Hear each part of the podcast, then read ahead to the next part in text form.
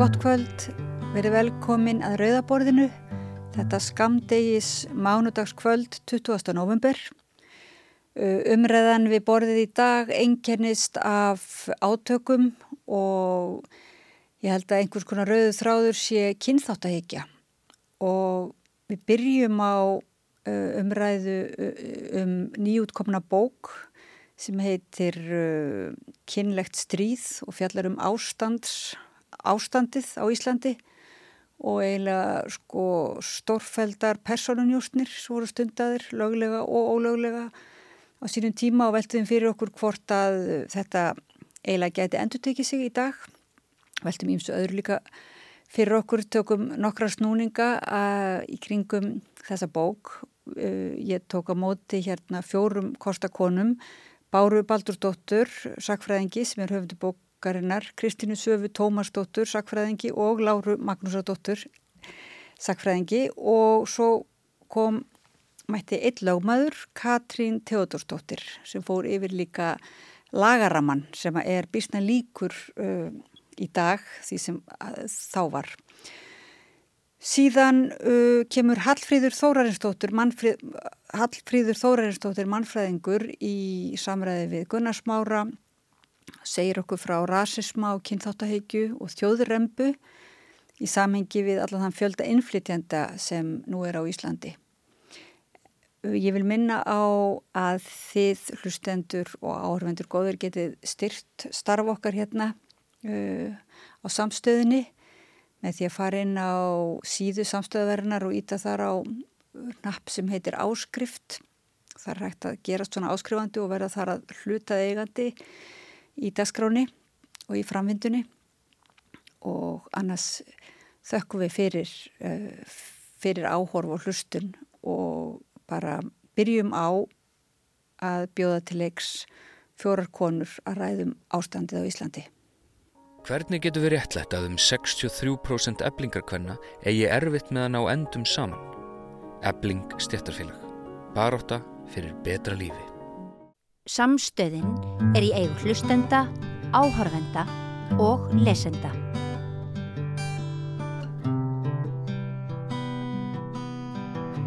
Hjá mér er fríður hópur kvenna og sumar eru með drengjakoll og mikið málaðar og það var vegna þess að ég bara alveg sérstaklega um að reyna að mála sig vegna þess að við erum að tala hérna um bókina Kynlegt stríð eftir Báru Baldurstóttur sem fjallar um ástandið í alveg nýju ljósi. Og þetta eru nú sko þungaviktar konur, það er Bára Baldurstóttir sjálf sem er höfundur bókarinnar, sjálfstætt starfandi sakfræðingur í Reykjavíkur Akademíunni Katrín Teodorsdóttir, lögmaður og mannréttinda og umhverfismála svona sérfræðingur, hefur unnið á því sviði.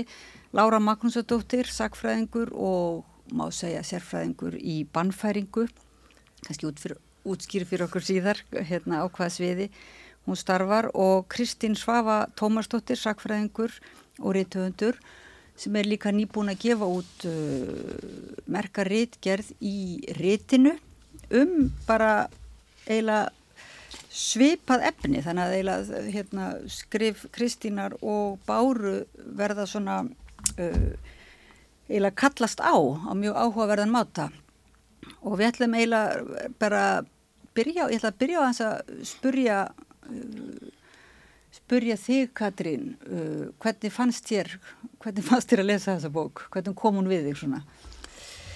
Já, mér fannst hún náttúrulega afskaplega áhugaverð og uh, sláandi að mörgu leiti því að þarna er uh, höfundur að kanna í rauninni þetta dæmalösa ástand sem að myndaðist hérna á hernafsórunum og hún er svona að leitast við að skilja hvernig yfirvöld fóru að því að stemma stígu við ástandinu eins og það var kallað þá og mér finnst hún gera það á mjög skemmtilegan og markvissan hátt í þessari bók. Hún er þarna að uh, skoða í rauninni hvernig sko þessar uh, stofnanir í samfélaginu virkuðu. Mm.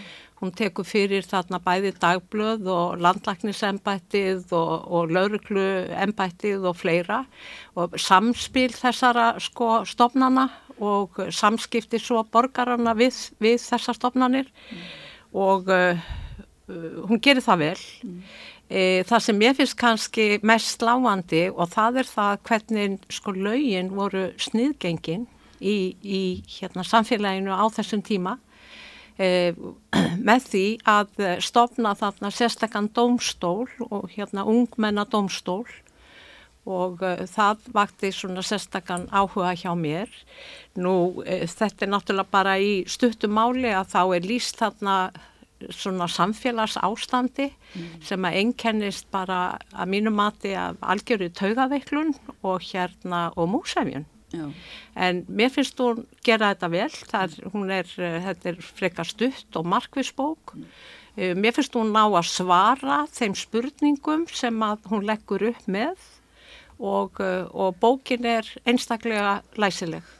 En hún kalla kannski á sagt, fleiri rannsóknir finnst mér, þetta getur verið góðu grunnur til þess að halda áfram.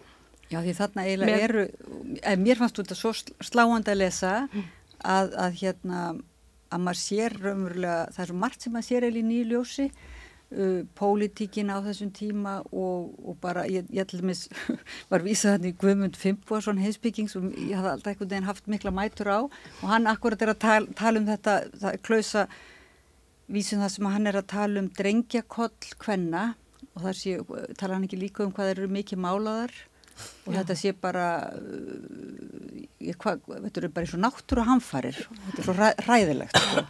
þetta er synd og skömm og náttúru hamfarir þannig að það er svo það er einhver ræðileg kretta sem kemur þarna miklu meira en mann hafði gröðnað og eins og þú nefndir líka Katrin kannski það bara líku við eins og maður sé að lesa eitthvað frá Östur-Európu sko Stasi að Stasi-lökan hafi verið hérna Mér finnst þetta einmitt mjög áhugavert og, og hérna og það kemur fram þarna í bókinni, mann og ekki alveg hvernig hún orðar það, að hún skoðar þetta út frá svona, svona kynja, kvennarsögulegu sjónarhorni, e, jáfnveil feminísku eða, og ég hlakka til að kannski ræða meira um það hérna á eftir og heyra, heyra sko báru segja frá því. Mm -hmm.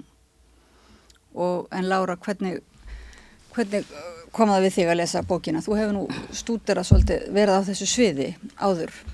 Já, ég er búin að vera náttúrulega í áratugji að, að rannsaka kannski eiginlega forsögu þessara mála ef að það má segja sem svo.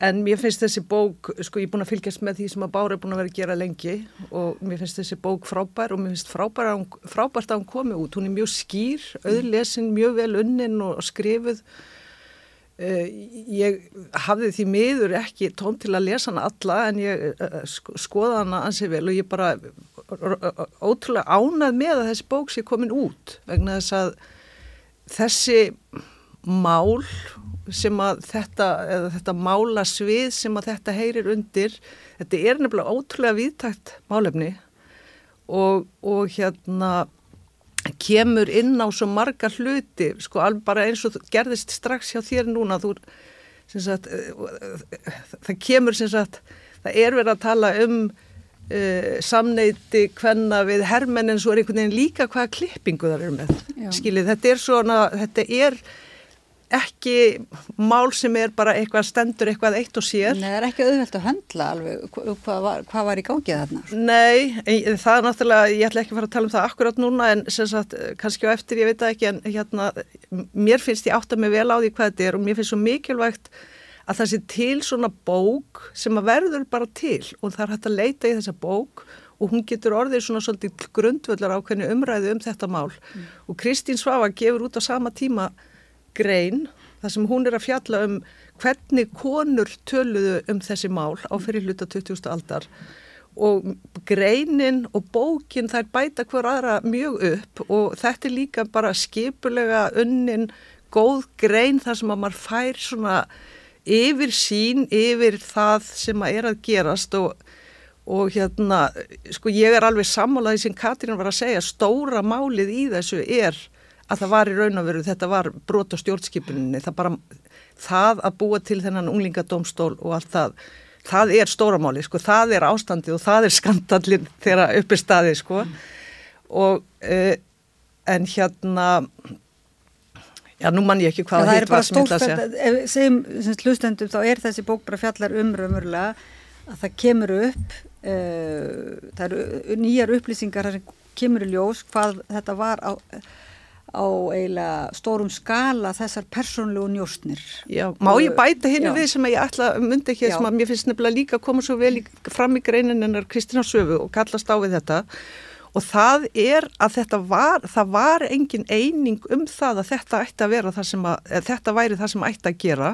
Að því við höfum smá tilneigu til þess að einfalda fortíðina og daldi fordæmum hana líka. Og við svona höfum smá tilneigu til þess að tala um þetta eins og það hafi verið sko gamla daga hafi samfélagið verið svona kúandi mm -hmm. en í raun og veru sem kemur svo vel greininni, fram í greininni hjá henni og kemur líka mjög vel fram í þessu sem að Bára gerir að þetta er ekki neitt einhver svona ákall þjóðarinnar heldur er þetta kannski bara ymmit þvert á móti e, þeir sem að höfðu mestar áhyggjur af því sem að e, ungar konur eh, voru að gera með hermunum þær voru, það fólk ótaðist þetta mál vegna þess að það voru svo margir sem fannst þetta bara allt í lagi.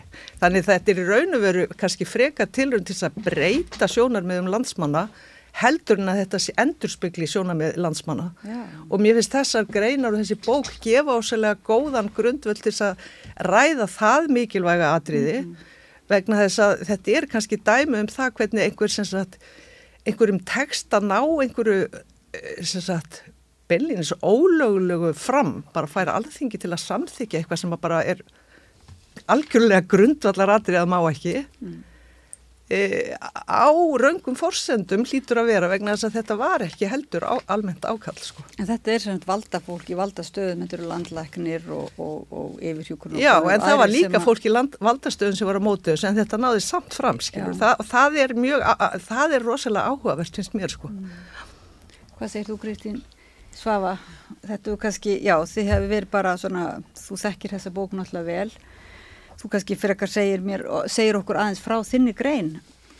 Já, ég syns að hérna, uh, eins og Lára sagði, þá er þessi grein sem að ég var að senda frá mér fjallar um hvernig einmitt konur og þá ekki síst svona konur sem voru framalið hvernarhefingunni hvernig þær töluðu uh, um ástandið og í rauninni ástæðan fyrir því að ég fór onni uh, það efni sérstaklega var ekki síst að uh, mér var bent á heimildir frá löfu Valdimarsdóttur uh, sem var þá formað hvernig þetta félagsins og mærastriks nefndar og mikilvægt tói í íslenskara hvernig þetta baratu um, og það voru sagt, skjöl í litlu skjálasafni frá henni á landsbókasafni sem vörðuðu ástandið. Á hvernasögusafninu?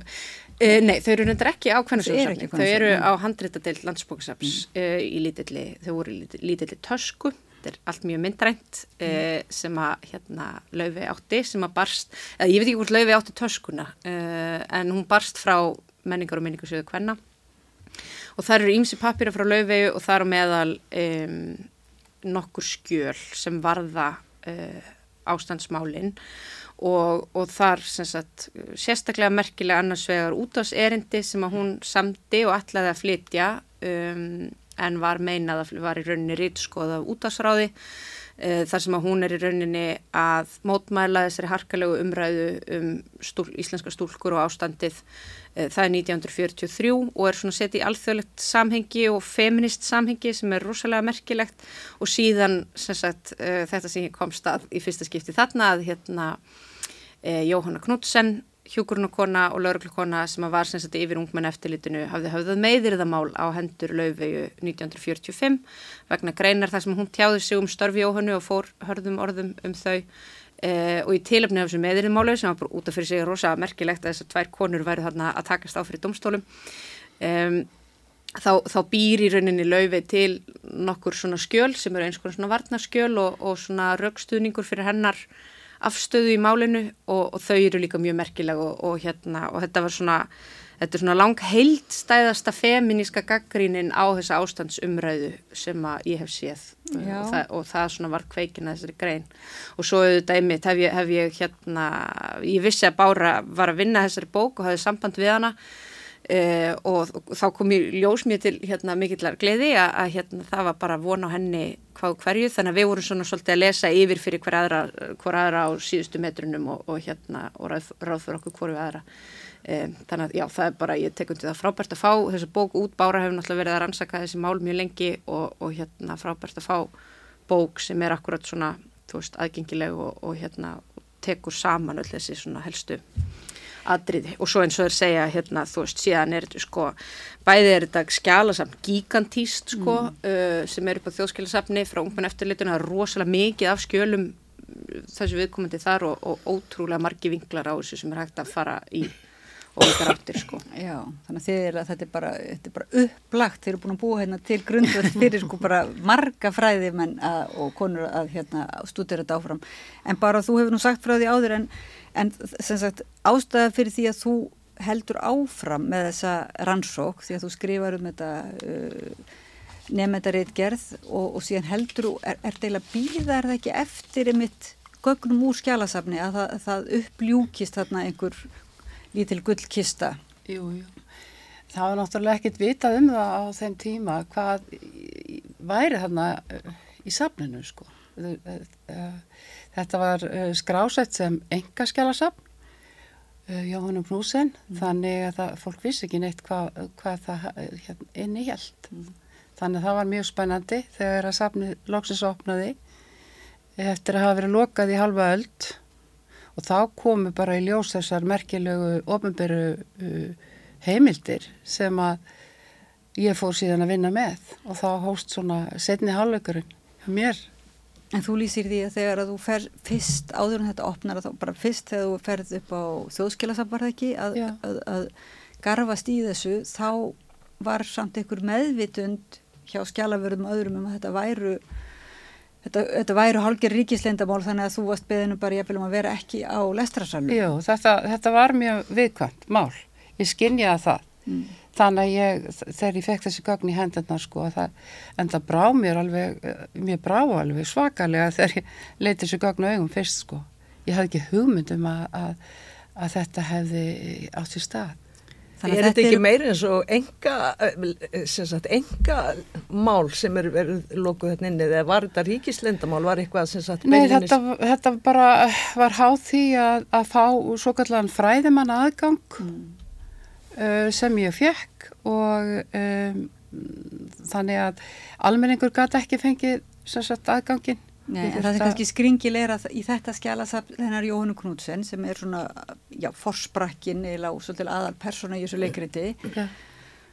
að hennar eitthvað skjálasafn er síðan reynist vera uh, innihalda ofinbyrgögn. Algjörlega. Þannig að uh, þú sko, þú kemst þar í raunverulega og þar eru enga mál eiginlega fullt af uh, já, já þar er, og, það er líka viðkvæmt þar eru, er það ekki bara minnisbækur og listar, listar? Jú, jú, jú, þarna voru í þessu skjálasafni voru að mér minnir tíu svona stílabækur mm. þar sem að e, voru færðin e, nöfn þessara kvenna sem að komast á blað þegar að e, Siðferðisrannsóknin fór fram voru 1941 og síðan heldur hún eitthvað áfram. Það, það eru um það byrjum 500 nöfn sem að e, lágu til grundvalla svo, svo kallari ástandskíslu sem vatti mikla aðtegli í fjölmjölum en síðan bætast þarna við um það byrjum 300 nöfn á þess að hérna á lista og í þessa bækur. Og þetta eru nöfnkvenna og ungra kvenna eða mest sem, a, sem að þykja og einhvern hátt dulafullar eða þess að fá þetta á sig að vera lauslátar og það er oft bara á þeim fórstum að það hafa verið mikið málaðar eða með, er það ekki... Jú, eða hafa fengið á sig lauslætis orð eða eitthvað þýrlikt. Mm. Það þurfti ekki mikið til, það, það, það virtist vera nóg að, að, að kona færi með Hermann á kaffahús það var uh, nótus að lenda, lenda á þessum lista. Og hérna já það er ansi svona litlar sakir í mörgu tilfellum myndi ég að segja. Og uh, þetta voru konur eða þess að öllum aldri alveg allt frá unglum stúlkum upp í konur á 60-70 aldri sem komist þarna blad en meiri parturinn voru ungar konur Og Og þetta eru líka sko, sem sagt, það eru líka njósnarar, er það ekki, á vegum Jóhannu Knútsin eða á vegum hvers, er voru, voru óenninkinnisklættir lauruglu menni eða hvað? Já, það er bara ekki nákvæmlega að vita hver, hver, hver er þessi aðila voru.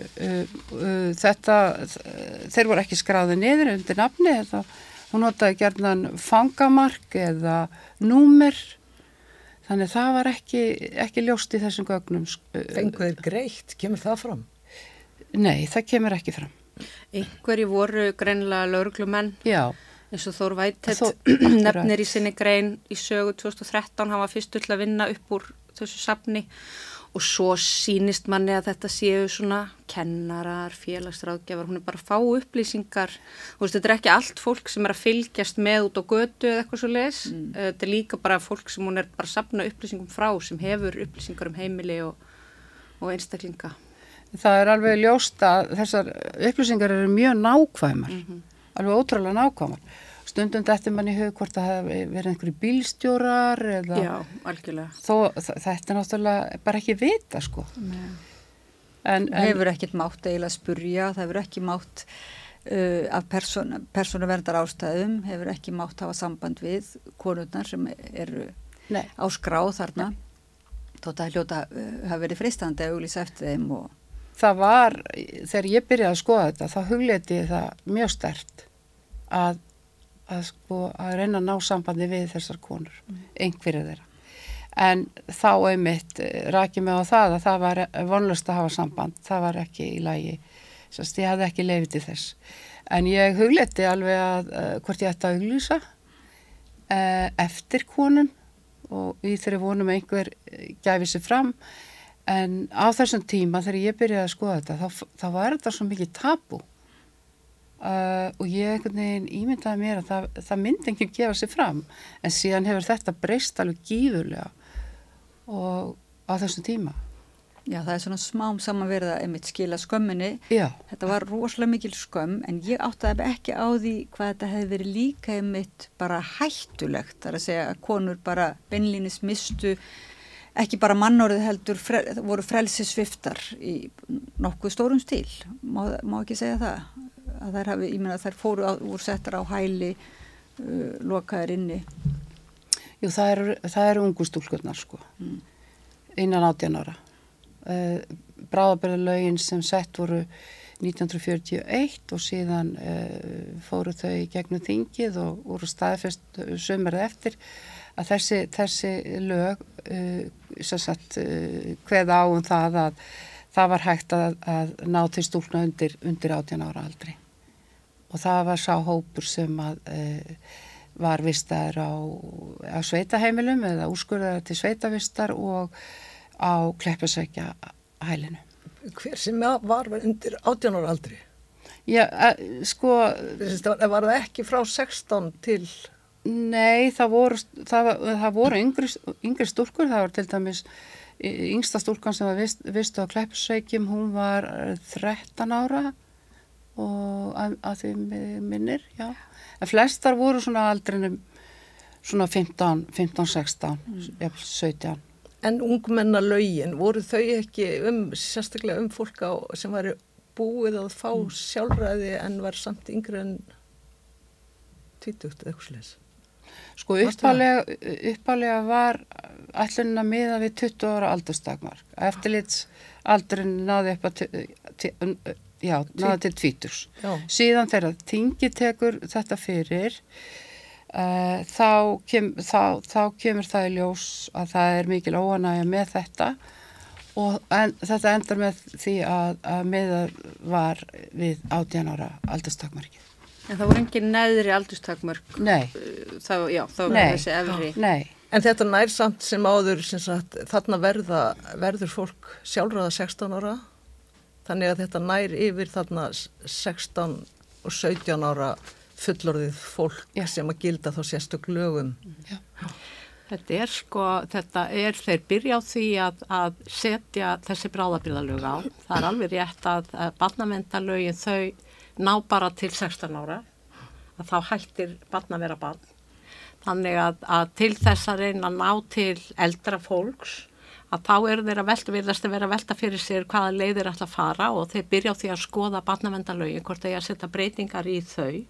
En það kemur í ljós að það er miklu erfiðara vegna þess að þá þarf að sjálfræði svifta sko börn og það er ekki gert nema með sko dóms, dómsúrskurði þannig að, að þá er tekið til þess ráðs að... Þú meinar að sjálfræði svifta fólk sem er, er ekki lengur börn sem er orðin 16 ára? Já, já, það, já, að, hérna, til þess að, að sko, já, nákvæmlega að hérna vegna þess að þú náttúrulega, sko, barn er ekki barn lengur en til 16 ára aldur, svo þá gilda bara önnu lögum þau.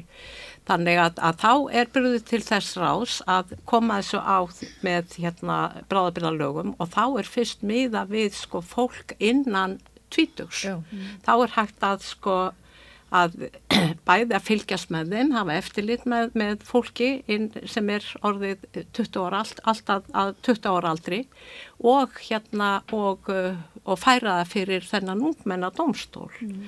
En bráðabirðarlög eru, eru ólík öðrum lögum að þýleiti til að að þau eru ekki samþýtt af alþingi, það er náttúrulega eins og við vitum og það er hverðum vandað aðferð við og á þessum tíma þá starfar alþingi í tveimur sko deildum, þannig að, að, að þá er þess að notaði bráðabyrðalaga heimildina sem er að finna í stjórnarskráni en það í rauninni eru setta mjög strangar skorður við setningu bráðabyrðalaga því að það er bara ráð þeirra sem að gerir það og uh, það er mælt fyrir um að þetta verði ekki gert nema þegar þing er ekki að störfum og það ríkir einhvers konar bráðabyrða ástand. Mm.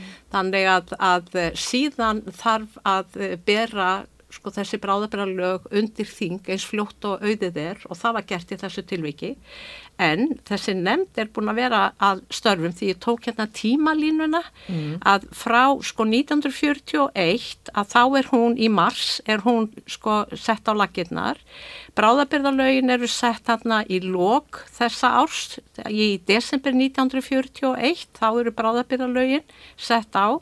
Og síðan er sko er verða lögin ekki fyrir heldurinn í júli sem að, að þau hérna eru júli 42 mm.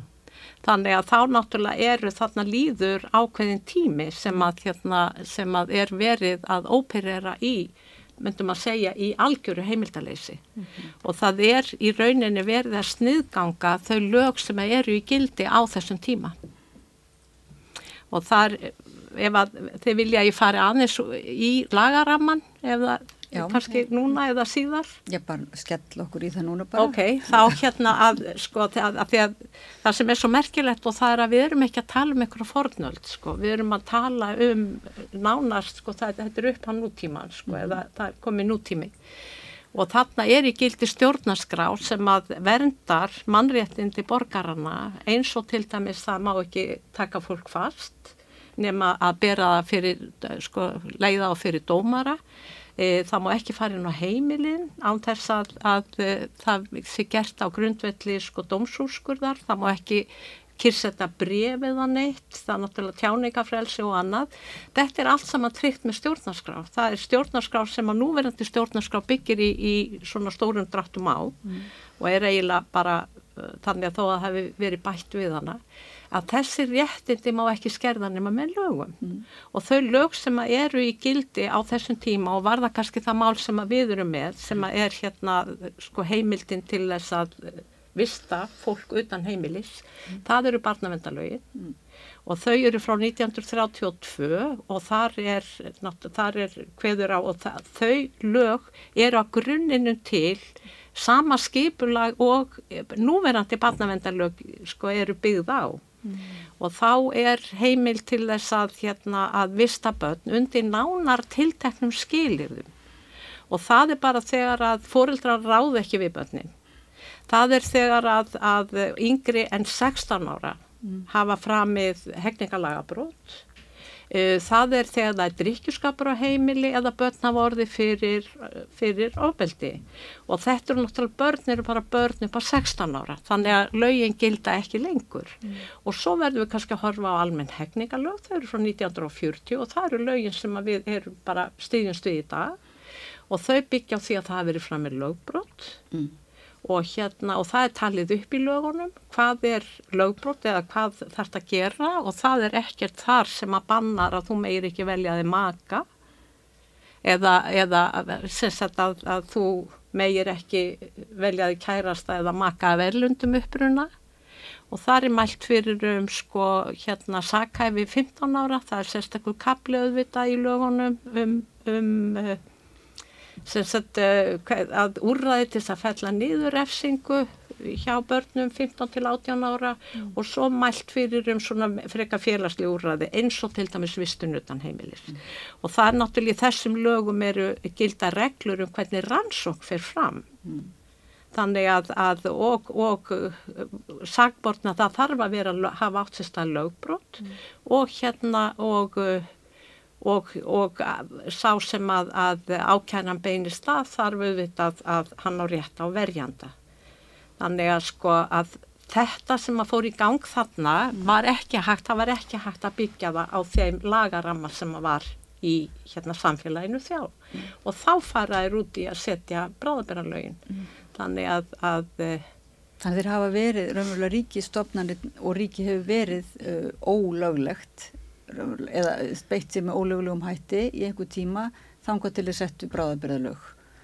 Já og það má líka sko, það er bara því miður þá hérna veit ég ekki hvort að, hérna, að það hafi einhver tíman einn reynd á þau því að, að í fyrsta lagi er, er vaknar spurningum það hvort að það hafi verið brín ástafa mm. til þess að setja bráðabyrðarlög, hvort það hafi verið heimilt að setja bráðabyrðarlög yfir höfuð mm. og síðan hvort að, að efni bráðabyrðarlagana og síðar þessara laga, þegar þó að þau sé orðin lög sett frá alþingi, hvort að þau hafi stangast í hérna, stanga hafi, hafi verið samræmanleg stjórnarskráni. Sem ég tel alveg víst að hafi ekki verið. Alkjörlega. og hérna bara, það, það bara þetta einfalda að sko ástæðan fyrir því þarf að vera sko svo stóru brín og eitthvað ef að það væri nokkuð tíman mögulegt að búa til e, sérstöklög um ákveðin þjóðfélagshóp. Það bara stríðir gegn öllum prinsipum í Lýraðisríki sem er skipulagið á þessum tíma, það er komið, það er það eiga allir að vera með sko, ja, borgararéttindi, það eru almenn hegningalög og það sem er gert er að búa til sérstakann domstól með sérstökum úrræðum uh, fyrir sérstökum lögum um ákveðin málaflokk sem að þar að auki var vita menna beindist sko var gert til að ná utanum á, ákveðin hóp. Ég er ekki nokkur um einast af afum það að, að, að miða við fortíðina sem er það sem ég þekki í raun og veru betur, þar er það algjörlega, sagt, þá held ég að sko, lögum félagafrelsi sem eru raun og veru trúfrelsi og um, sem hún var að nefna áðan um sko, fríðhelgi heimilis og, og, og hérna aðferðið við handtöku og allt þetta, þeir beilinni sett til þess að koma í vekk fyrir svona hluti. Þannig að ég, sko, í mínu huga er þetta æbandi hvað þetta er, sko, En ég held líka að ástæðan fyrir því að þetta varði stuttan tíma sé kerfið sjálft. Þannig hafi kerfið bjargað konunum. Já. Því ef að kerfið hefði ekki raun og veru verið svona skýrt og fullt af fólki sem vissi það, að því svo var þessu bara ítt út sko mjög í raun og veru til til að skömmu setna, er ekki bara 43 strax sem að það er, það er gert. En aftur ef ég má sko koma að þessu hérna sem að sem að mér finnst alltaf sko svo áhugavert það er hvernig við sagt, notum fortíðina til að móta okkar eigin hugmyndir um okkur sjálf og bara taka ákvarðanir í bæði pólitískar og í okkar eigin lífi og alls konar.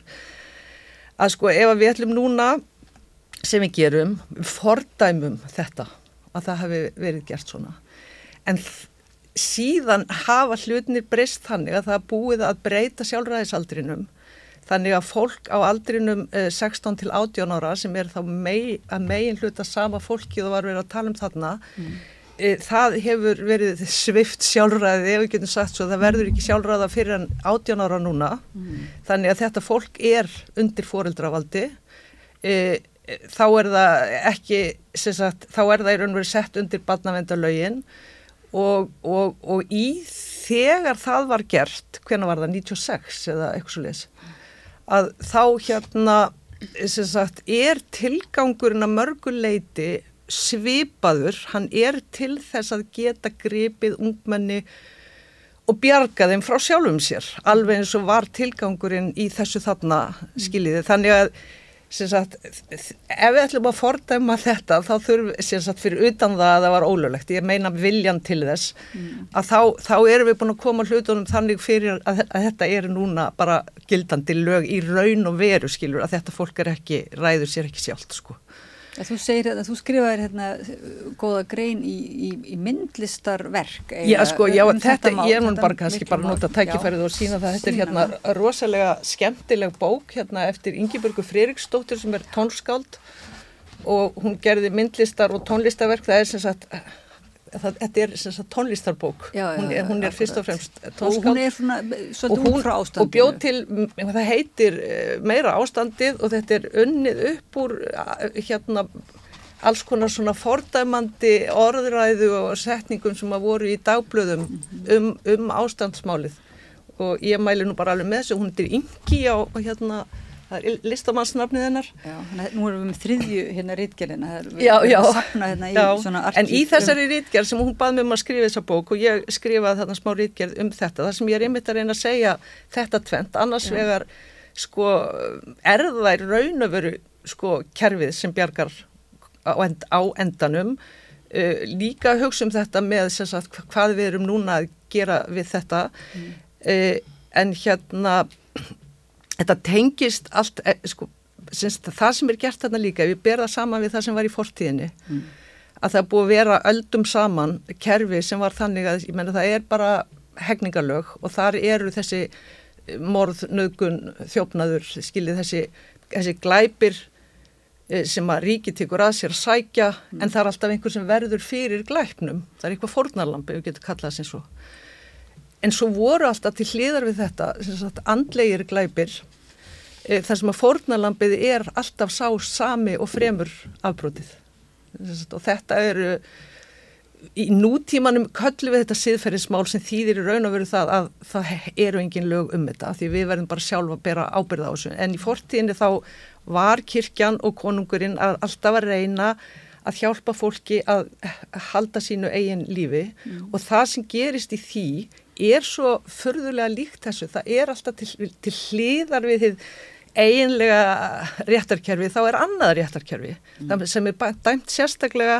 um sérstökmál og í þeim, sko ég kalla þetta málasvið og svo eru málaflokkar undir því það eru ótrúlega margir flokkar sem falla undir þetta á mm. löngum tíma í, í Íslandsögunni en þess að aðferðin þar markmiðið með þessu andlega réttarkerfi var alltaf að kalla fram bót mm. og það, þannig er það svipað og þessu hérna, það er sem sagt að Það er innan kirkjun, er það ekki? Þetta, andlega, Íni, þetta var sko, bara kirkjan og kongurinn unnu saman, já, en jú, já. þetta voru skilgrindir sem andleir glæpir og, og það, menn voru algjörlega meðvitaður um það. Mm -hmm. Það var, sko, skorti engan veginn meðvitund um það á sínum tíma að þetta var annars eðlis mhm. heldur en morð og nögun og skiljiði þeir glæpir af því að sagt, ef að ég sef hjá amerískum hermanni eða eitthvað þá gæti alveg verið að ég veist, þurfi að líða fyrir það sem eftir er æfinar af því að ég fæ svo mikið samviskubit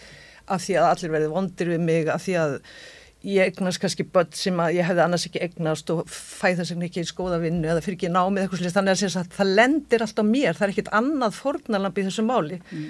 og þessi svona lög og svona aðgerðir hafa rosalega, þær hafa alltaf það markmið að vernda brotamannin frá sjálfum sér mm -hmm. og, og þetta er enginni á, það er enginni á líðræðislegu stjórn, svona frjálslindu líðræði vestrænu mm. er að það eru sett mjög skýrmörk um það að ríkið má ekki skipta sér af þessum málum. Það má ekki skipta sér af trúmálum mínum, ekki engamálum mínum og svo framvegis. Mm -hmm þannig að eh, ríkið á ekki að bjarga mér frá mér. Það, en, en það er svona einhver svona furðuleg líkindi. Það eru ekki óendarlega margar aðferðir við að bregðast í svona málum.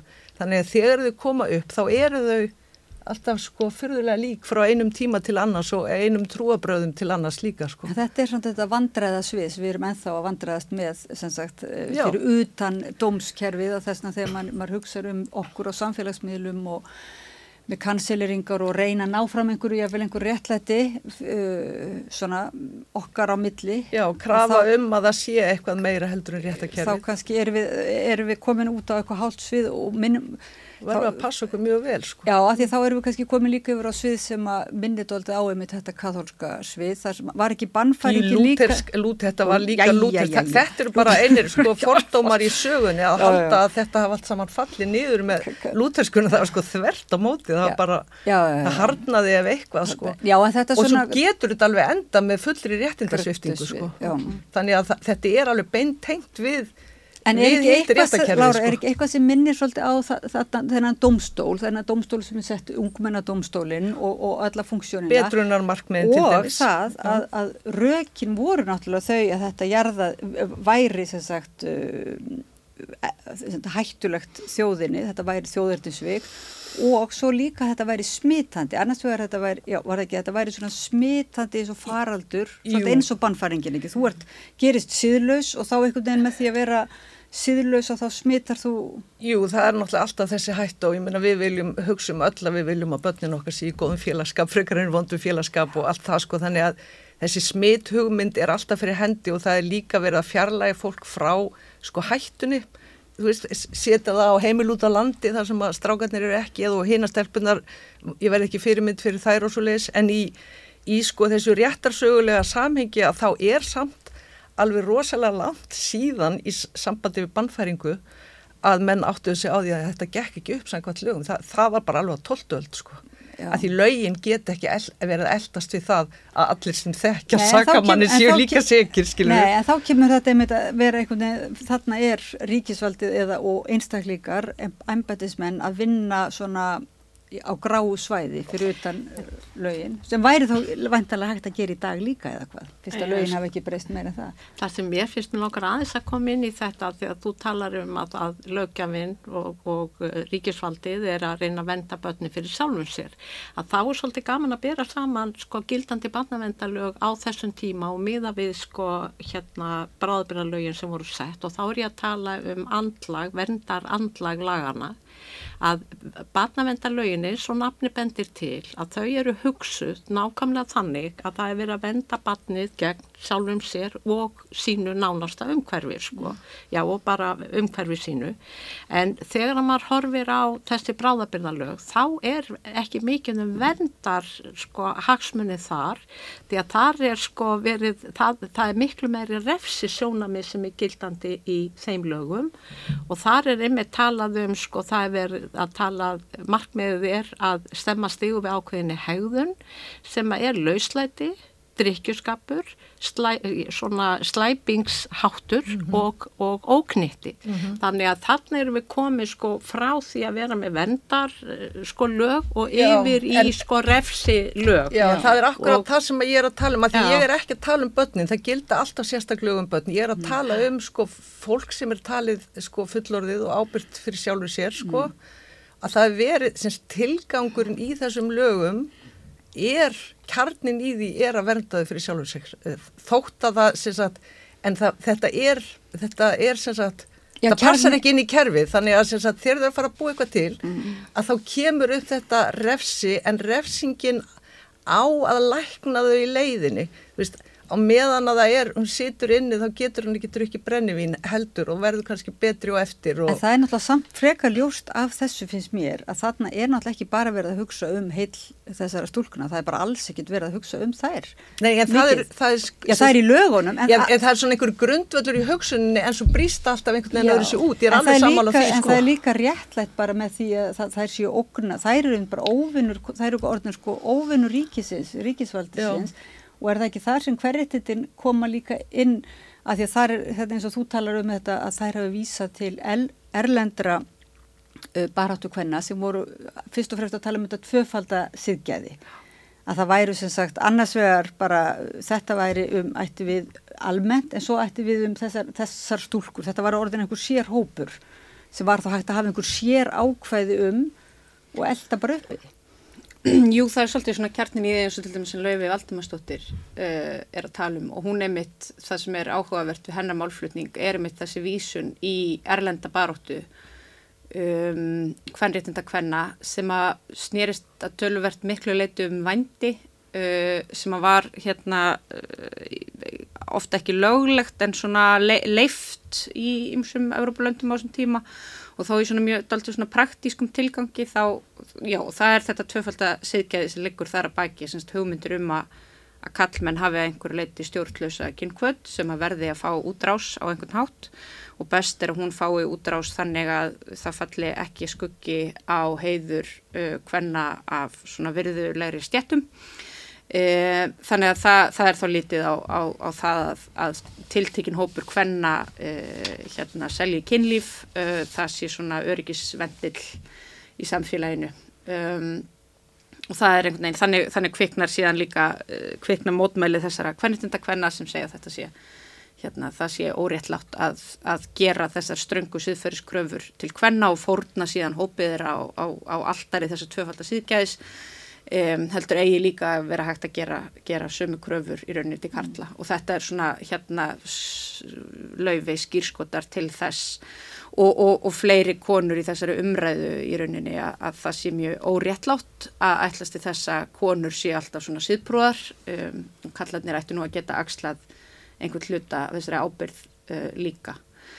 Og, og þetta auðvitað, já, síðan sko einmitt eins og í umræðinum um, einmitt þessar refsingu og, og hérna vernd, þú veist þetta rennur alls svakalega saman í umræðinu, þetta verður rosalega flókið mm. og, og einhvern veginn, þú veist, að því líka þetta er náttúrulega einmitt á þessu mörgum badnavendar og þú veist, bara refsikerfis fyrir fullorðna og það er rosalega erfitt ofta aðgarina þetta í, í umræðinu að því að fólk síðan líka náttúrulega bara er fólk einhvern veginn það er bara, þú veist, það er ekkert það er ekkert alltaf einhvern veginn heildstæð og raukstutt einhvern veginn hérna afstæða sem fólk er að setja fram í hverju bladagrein eða eitthvað.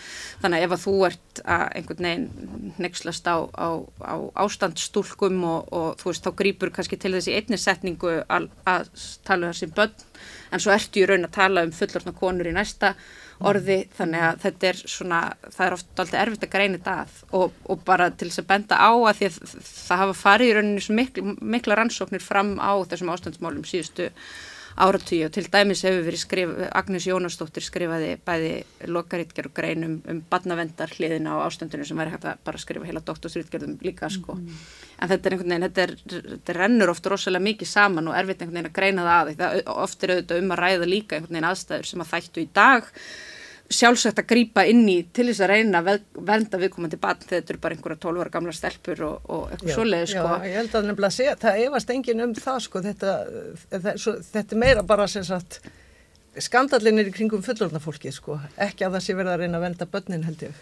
Nei en, en það er oft svo erfitt að greina þetta að því að það er einhvern veginn, þær eru svo oft einhvern veginn settar í sama flokk á þessum tíma, Já. það eru einmitt sko aðstöður sem að við myndum líta á sem bara algjörlega borlegjandi barnavendamál en svo líka þú veist kannski einhverja stelpur sem að við myndum ekkert endilega hafa áhyggjur af í dag og hefði ekki verið endilega haft áhyggjur af á sínu tíma eða hefði verið með íslenskum strákum. Sko. Þarna á þessu tíma eru náttúrulega í gildi barnavendalög sem, sem að eiga að venda þetta, sko, já, það er að segja já, þessar ungu stúlku.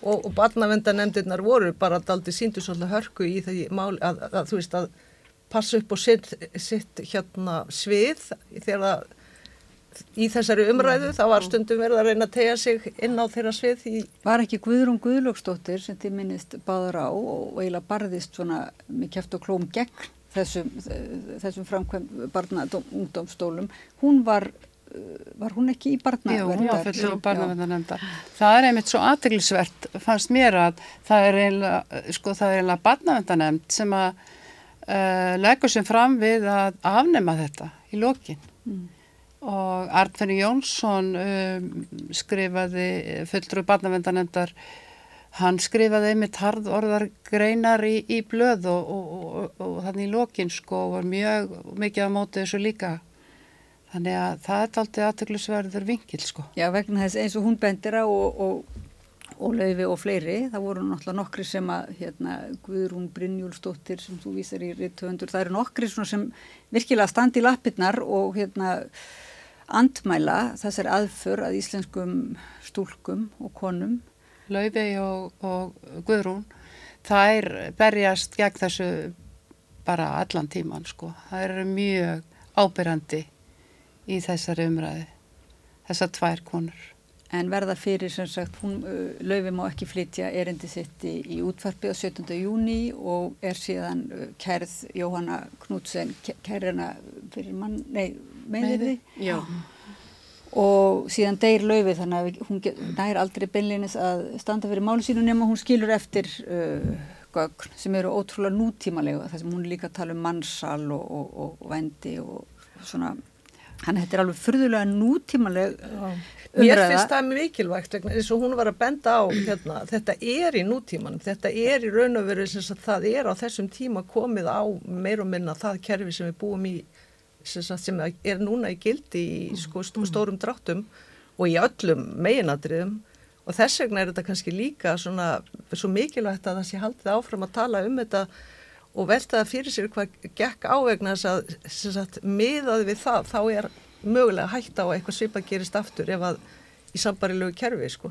Hvað, hvað þarf að koma til svona hvers konar hysteri að þarf að hérna espa kind undir til þess að það væri hægt sko, að gera aftur. svona afmarka einhvern hóp eins og til þess að það er náttúrulega í heiminu verið að reyna að afmarka hriðiverka fólk sem eða, eða hérna ég veit ekki það er náttúrulega ekki sam, sambærilegt en, en væri, sæði fyrir ykkur að það væri hægt að fara svona og, og réttlæta það með einhverjum svona hysteríu að því að þarna voru, sagt, þarna voru þetta var svo mikið af ráðafólki. Uh, en mér finnst við líka þurf, verðum að taka með í reikningin þetta er náttúrulega rosalega sérstakki tímar þegar það bara allt í hennu streyma inn hvað verður ekki bara tög þúsundir ungra, ekki bara útlendinga heldur ungir kallmenn uh, það, þarna er ekki búið að finna upp uh, pensilín þannig sjúkdómur er bara alvarlegur skiljiði. Það er hérna, það verður að flytja til borgarinnar, fólk er að læra að lifa við nýjar aðstæður og ég minna það að maður hefur myndi hafa áhyggjur af partíi og dópi og, misnótkun og alls konar ólifnaði og eitthvað, ég minna það, það, það er allt svo normalt skiljiði og það er líka hérna getnaðvarnir af avarskornum skandi eða bara valla til sko þannig séð. Jú en það er náttúrulega ekki normalt, það, okkur við þetta ekki norm, það, það veri normalt í dag en það veri ekki normalt að vísa til þess að, að hérna að, og eins og þú segir bara að, að það hefur verið ósk sérstaklega eftir því að kemur ekki, uh, það kemur bara kvítir helst bláir herrmenn til landsins Uh, og, og það virkilega áhyggjur af þetta þjóðlega er mjög 20. aldar og þetta eru bara, manni finnst bara eins og þetta séu sko nazistar mikið hérna á Íslandi sem, a, sem að eru uh, að beita sér þarna eða allavega mjög þjóðurinn sinna er sko á, á verstahátt í, í verstaskilningi sko. Og sósialistar svona flestir standardóldi, það er nú gaman, þeir standar nú svona, svona í lappinnar og er að reyna að vera mótið þessu sko. Já Þannig að það er ekki miklu stalinistar þarna en það er talað um að Jóhanna Knudsen hafi verið á leiðinu til Sovjetiríkjana. Já. Þetta er, er, er eitthvað óeðlileg, þessi hysteri, er það ekki, það er að vísa til, það er svona nazísk sjónamið Jú, það voru sko hún hérna þessi nefnd sem að er sett aðná laginnar, það er að því að sko við skulum svona, ég vil taka vara við að, að, að leggja svona ábyrðina á þessa konu eina sér sko. Þessa Jóhannu. Já, þessa Jóhannu Knútsen vegna þess að nefndin hún er sett af sko lauruglu yfirvöldum og, eh, og lauruglustórun í Reykjavík er náttúrulega sá sem að hefur yfir umsjón með þessu og þarna eru ráðni til verksins eru þekktir laurugluþjónar og það er nefnt nöfn meðal annars í bókinni. Mm. Mér stakkusti þrýr þeirra eiga það sammert að hafa unnið fyrir þjóðarnisflokkin, nazista og uh, hún fær upp í hendunar þegar hún byrjar þessa könnun sína, það fær bara okkar lopna samfélagið, hún fær gögg frá barnavendanend, hún fær gögg frá skólasamfélaginu, hún fær gögg frá lauruglu ennbættunum og öðru þannig að hún er með þarna 800 uh, konur í hérna í skoðun sem að er og, það, og þetta kerfi byggt þannig upp að það er alltaf minnstakosti tveir eða þrýr uppljóstrarar sem að kalla var sem eru þetta óenginsklætna fólk og, og allt færti bókar. Og svo er þetta líka gert á einhverjum svona sérfræðingafórsöndum, það voru svona menn sem að best vissu eða eitthvað sem Já, að voru að starfa með þessu. Það sem er kannski alvarlegast við þetta er að þegar að svo úlinga domstólin er settur á laginnar, þá eru þetta gognin sem að eru kannski liggja til grundvallar ákverðun úrskurðinu vistun utan heimilis. En ég held að hérna því að við eh, vorum að ræða hérna um sko refsi og, og hvað væri gert börnunum fyrir best og annað. Það sem mér finnst umhugsunarvert í þessu og það er að það ríkir þarna ákveðu ástand eins og bentu við vera á hér. Það koma þarna fullt af um 80.000 erlendir karlmenn og það eru 120.000 íbúar á landinu þá. E, þessi, þessi lög sem eru og þessi úrræði þau beinast gegn konum, þau mhm. beinast gegn einum þjóðfélagshópi já, já. og þetta hefði ekki verið hægt að ganga að, snið, að, að, sko, að hérna, reka þetta með þessum hætti nema að því að þessur haldi þjóðfélags ástandið gefur sko kost á því mm. þannig að hérna, það er það sem er hættulegt í þessu og mm -hmm. hérna og uh, ég held að sé verðt að hugsa um getur hvaða ástand og við eigum bara að spyrja okkur við, það þarf að sko það þarf að gera þennan tíma upp Já, já. og ekki og bara þetta við þurfum líka sko. að skoða svo margt hverjir, hvað til dæmis varum hvað leigubílstjórarna sem voru að keira þessar ungu stúlkur í partíin mm. nöðganirna sem áttu sér stað hvað voru margar nöðganir kerðar og hvað, hvernig var farið með þær mm. það er svo margt sem að þarf að skoða mm. fastegna eigendur sem að leiðu fastegnarna sinna út kannski 2-3 klukkutíma á dag til erlendra her, her, sko, hérna hermana -hmm. þannig að, að við þurfum að skoða þetta allt saman til þess að geta komið í veg fyrir að þetta endur takist mm og í mhm. því fram sko, er gaman að velta fyrir sig hvað gæti, hvaða staða gæti komið upp sem að einhvað svona svipað gerðist því að eins og ég segi lagaramin er ekki ósvipað það reyndar er ekki komnir þá þessir alþjóðlegu mannlýttindarsamningar mm. en hérna en það má alveg hugsa sér til dæmis eh, þegar að eh, hérna í sambandi við já bara aukning og hælisleitindum, útlendingum í landin og annað, að þetta er eitthvað sem að ég held að við þurfum bara mm. skoða og gera upp til þess að koma í veg fyrir að þetta geti gerst aftur. En bara þú lýsir í þetta er svona leiðirnar til þess að espa upp eða réttlæta þetta uh, var það ekki annars vegar svona smitt farald, faraldfræðilegt Jú, það er alltaf ábyrgandi og svo hins vegar, hvað var aftur? Hins vegar þjóðurnislegt Það er náttúrulega bara þessi rosalega sterka þjóðurnisstefna einmitt sem að bara eins og einnkennir millistrís árin auðvitað líka, svo er þetta líka einmitt bara þetta er rosalega ofinnilegt ástand en kemur líka inn í ákveðu samhengi. Auðvitað það var byrjað að ræða um nöðsinn þess að skipa lauruglukonur fyrir stríð, svo er þetta það sem ítir því af stað, þú veist, þetta er einhvern veginn verður svona, og einn kaplið sem ég fannst sérstaklega hérna áhugaverður hjá Báru, uh, sem ég hafði ekki hugmynd um var til dæmis þegar það er haft biskup hefur samband við Ingeborg Ólafsson eh, hérna KFK frömuð vil fá hana heim frá útlöndum til þess að taka, taka ástandið förstum tökum. Og hún hefði verið að skrifa um siðfyrirsmálu í Íslandi og, og skafast yfir siðfyrirs ástandinu á Íslandi síðan 1900, um 1910 þannig að þetta er líka svona sko ferli sem síðan á, þú veist, einhvern veginn síðan ríkur einhvern veginn upp Og þetta er líka tími í sögunni þar sem er ofsalega mikið bara, eru bara svo miklar þjóðfélagsbreytingar og breytingar á stöðu kvenna og möguleikar á, á, á sjálfstæði og, og þær gerir það sem vilja er orðnað einhvern veginn allt öðru sér heldur en það er nokk tíman verið fyrir sko. Það er líka aldrei áhugavert hvað hérna, formleg völd kvenna eru lítil á þessum tíma. Sló, það, það var sláandi, það var engin kona á þingi til að mynda og já það voru bara afskaplega svona, já, uh, lít, lítið um, um, um uh, formleg völd. Já, já.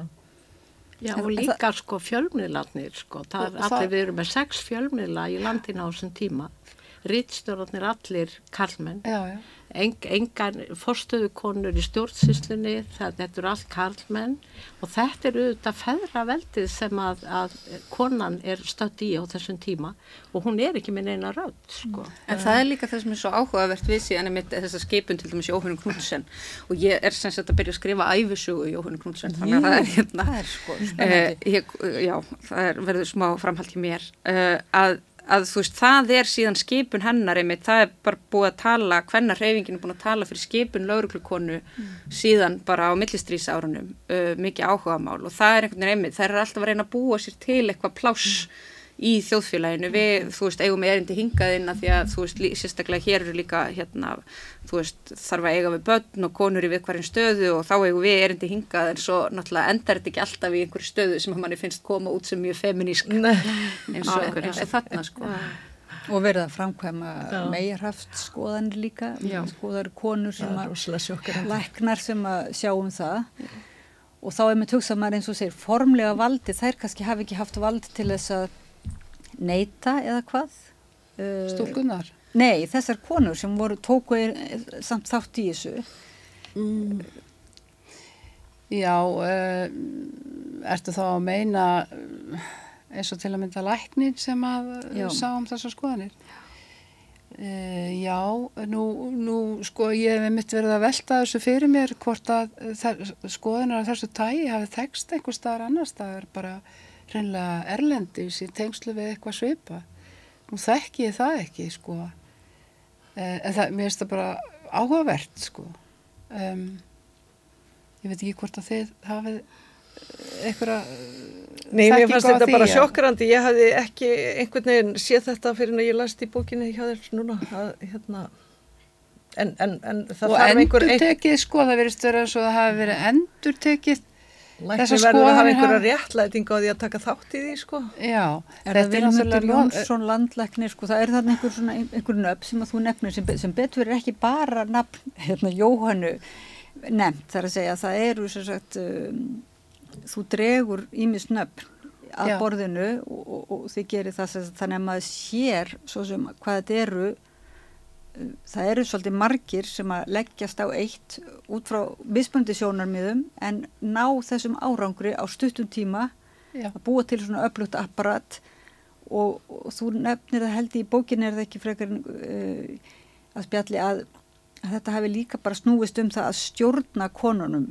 raunverulega þetta sé eins og þótt að séu mismöndi fórsendir þjóðurnislegar, sóttvarnarlegar alls konar þá kannski maður sjá það svona þetta almenna hafi verið bara að hafa taumhald á með einhverju móti, með alls konar rökum taumhald á konum, þannig að þær væru í þjónustu íslenska karlsins en ekki en ekki, sem sagt, hefði ekki þetta frelsi að velja til að velja. Já, og svona hvern tendist þess að stýra svona kynhegðun íslenskra kvenna mm. og kannski orðaði þannig sko. og þetta kemur líka svo skýrt fram bara einhvern veginn afstæðan í þú veist, litlu orðalagi oft eins og hérna einn kall sem að ég rækst á minnum, ég vittni sko hérna, þú veist, þetta algenga orðalag bara, hva, þú veist, hvað er við að gera þegar þeir koma og hérna og fara að skipta sér á konunum okkar þú veist, þetta er bara mjög algengt að sjá þetta með konunur okkar og, já, og, bara, já, já. Og, og alltaf líkt í þessum þjóður, þjóðurnis umræðum sko þessi verða hérna misnota fjallkonuna og eitthvað svona. En þetta er alltaf í þessu sko eignar halds já, þú veist já, það er skrifað já. í fyrstu personu flertu kalkinni og mér finnst nefnilega sko ég náttúrulega er ekki sakfræðingur sem geng út frá ferraveldinu sem fyrirbæri og ég að mínum að dugir það ekki sem ekkur til að skýra þetta allt saman sko og ég myndi segja að þetta sem þú ert að lýsa þarna sé eitt af öllum þessum sjónarmiðum sem komið fram. Frekar heldur en að það sé endilega hægt að segja að það hafi ráðið þessu sko. Já, ég var nú bara svo sem að segja það. Ég, Já, já, og hún var kannski já, líka jú, daldið já. að taka undir það og ég menna ég er ekki að segja ég er bara að leggja þetta inn í umræðina skiljið, þetta er ekki bara, þú veist að þetta, þetta er náttúrulega margt og það er, að það er ekkit það, hef, það er líka ekkit fyrir öll svör um þessi mál sko. En sko orðalagið bara svona hluti eins og lauslæti og, og hitt og þetta er, þú veist, þetta er bara eitthvað sem að maður þekkir langt aftur í aldir að því sko ólíkt því sem ég held kannski að margir haldi að þá er umræður um þessa málaflokka, um þessi svona málefni, þau eru sko svo fjariði að vera ný þetta hefur verið talað um þetta í aldaraðir og það er til að vera rosalega mikið af íslenskum heimildum um svona mál sem að hérna Þannig að sko þetta er allt búið í gangi öldum saman út um allan hinn vestrana heim skiljiði um og þetta er bara þú veist ein bólan frá mér séð er mm. þetta bara ein bólan en sérstaklega hérna, alvarlega því hún er inn í nútímanum sko. En, en, en það, það, þarna eru konur komnar í einstakt, einstaka stöðu svona bara eins og við vorum að tala um á þetta, þetta eru einstakir tímar í veraldasögun líka bara því hvað konur orðnar frjálsar skiljiði. Mm og þetta gæti líka á einhvern hátt verið viðbragð við því og líka bara sem sagt að móta hvar á þessi rönd að liggja mm. sem er millið þess að einhver sé ábyrgur gerða sinna og ekki ábyrgur gerða sinna til dæmis í aldri uh, og eigi þá bara taka aflegunum sjálfur og, og það er líka rosalega hérna, sko, mjótt strikið á milli þess að eitthvað sé ymitt undir friðhelgi engalífsins og svo bara rétt hinn megin við er það bara alveg rosalega alvarlegur glæpur skiljið og það er alltaf verið að reyna að finna þessi, þessi þarna Jú, jú, og við erum að kljástu heimilisofbildi í dag dæmis, og í COVID jógst heimilisofbildi þar já. var hægt að rekja ferðir fólks á sóttvarnar ástöðum já. En uh, það var náttúrulega ekki uh, ekki sama teikjunu verið að segja að mætti, mætti nota þau vopp til þess að ráðast inn á heimili þar sem var uh, þetta aukna heimilisofbildi en það Já. á sama tíma koma auknar heimildir Þetta er kannski ágætti stæmuð þar sem varst að spurja áðan. Þú veist eitthvað hva, hvaða aðstæður gæti komið upp. Þetta er svona ein, eitt svo leiðis atriði að... Já. Já þannig að þú ert að segja, já ég, ég skilur þetta er ekki bara feðraveldi sem er með eignarhaldi, þetta er náttúrulega líka alltaf þá af einhverjum forsjárhyggju Þetta er bara einhver... svakalega flókið, flókið. Já, og það var segja... af kallmönnum sem að, sem að mæltu líka gegn þessum aðgerum, þetta voru ekki bara konur sem að mótmæltu því sko. Nei, nei, nei en, en það voru líka það voru, þetta er svolítið líka eins og þú voruð að segja af góðum hug til þess að vernda einhver staðar Þú, mér, það er allavega eitt af því já, sem er undirliggjandi mér, sko. mér finnst það eiginlega styrkleiki bókarinnar vera meðal annars fólkið í því að hún er að hún rúma rættir begjar sko. Já. Það kemur fram að það eru þarna bæði, það er sem sagt, eh, bæð, af, sem sagt, það eru bæði kynin sem eru á mótið þessum aðgerðum og sem að styðja aðgerðum. En svo náttúrulega sko þarf ekki hvenna hérna sögulega vingil til þess að, að átt að sjá því hvernig þjóðfélagi var byggt upp á þessum tíma og það náttúrulega er bara það, völdin er í höndum kartnana, engöngu. Já Hérna, en konur er að byrja að íta sko þannig að, að það getur verið, viðbræð við því líka sko en bara út frá þeirri mynd mm -hmm. að þá náttúrulega sko og, og spjótin beinast að þeim hópi sko, þeim mm. minnilhutahópi má segja, sem eru algjörlega valdalösi sko. Mm -hmm. Þannig að það er eiginlega ekki hægt annað þetta og svo kemur orðræðan sem er svo sko En þessum hópi eru við sko. sem sagt búin að breyta í börn núna. Já. Það, það er bara, já. svo við munum já, það líka skiljið. En, en kostur við bókinni líka, hún er þannig, það bara er allir þessar upplýsingar og svo getur við talað um þetta skiljið, hún er ekki búin að leggja niður öll svörin, heldur bara að fá við að vita svo mikið um þetta sko. Bara er hægt að fara, uh, einhverstað, getur maður farið og skoða þessar litlu minnisbækur og vita hvort einhverjur, sem sagt, hvort maður þekkir einhverju á þessum listum eða er þetta loka þar maður að fá þennan aðgang?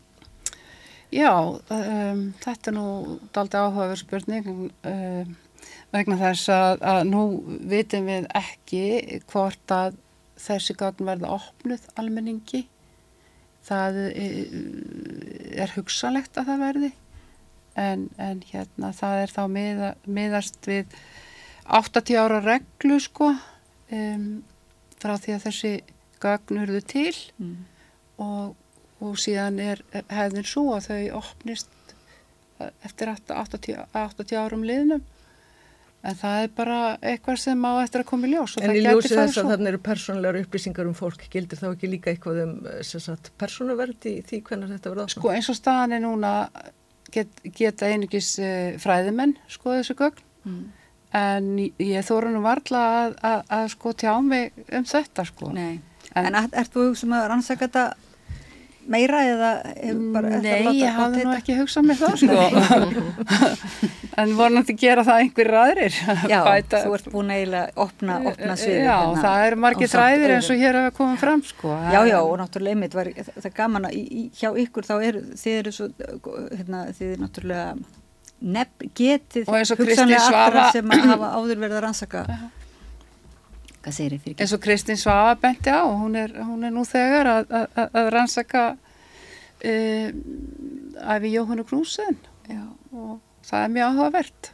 Já, það er rosalega áhugavert. Því að maður bara, þetta er alveg duðlefull persóna sko, mm. maður, eftir, eftir lestur bókarinnar og, og, og greinarinnar þá hugsa maður þetta bara, maður virkilega veldi fyrir sig á, á hvaða forsendum einhvern veginn hún var svona ákveð í þessu sko því það var ekki beinlinni sagt að sjá það að hún hafi verið bara að hugsa um eigin frama eða eitthvað, hún var af já. hún var sannfærd greinilega sko Mjög samfært. en ég er líka sammála því að það er samt sko skiptir meira máli að stjór, valdamennir skildu gangast inn á þetta og, og, og vera að gera hluti sem að eru vafarsamir vægast sagt sko Mér fannst líka aðtiklisvært eða sem að kemur fram í bókinni að gaggrinnin sem kemur að utan að það er hér þegar sendi hér að breyta Hávard Smith þegar hann hefur samband við íslensku stjórnsýsluna og hérna kvartar yfir því að það sé verið ofsækja hermennina því að það hafi ekki verið framinn eitt lögbrót og það eru þetta sko og það, þannig að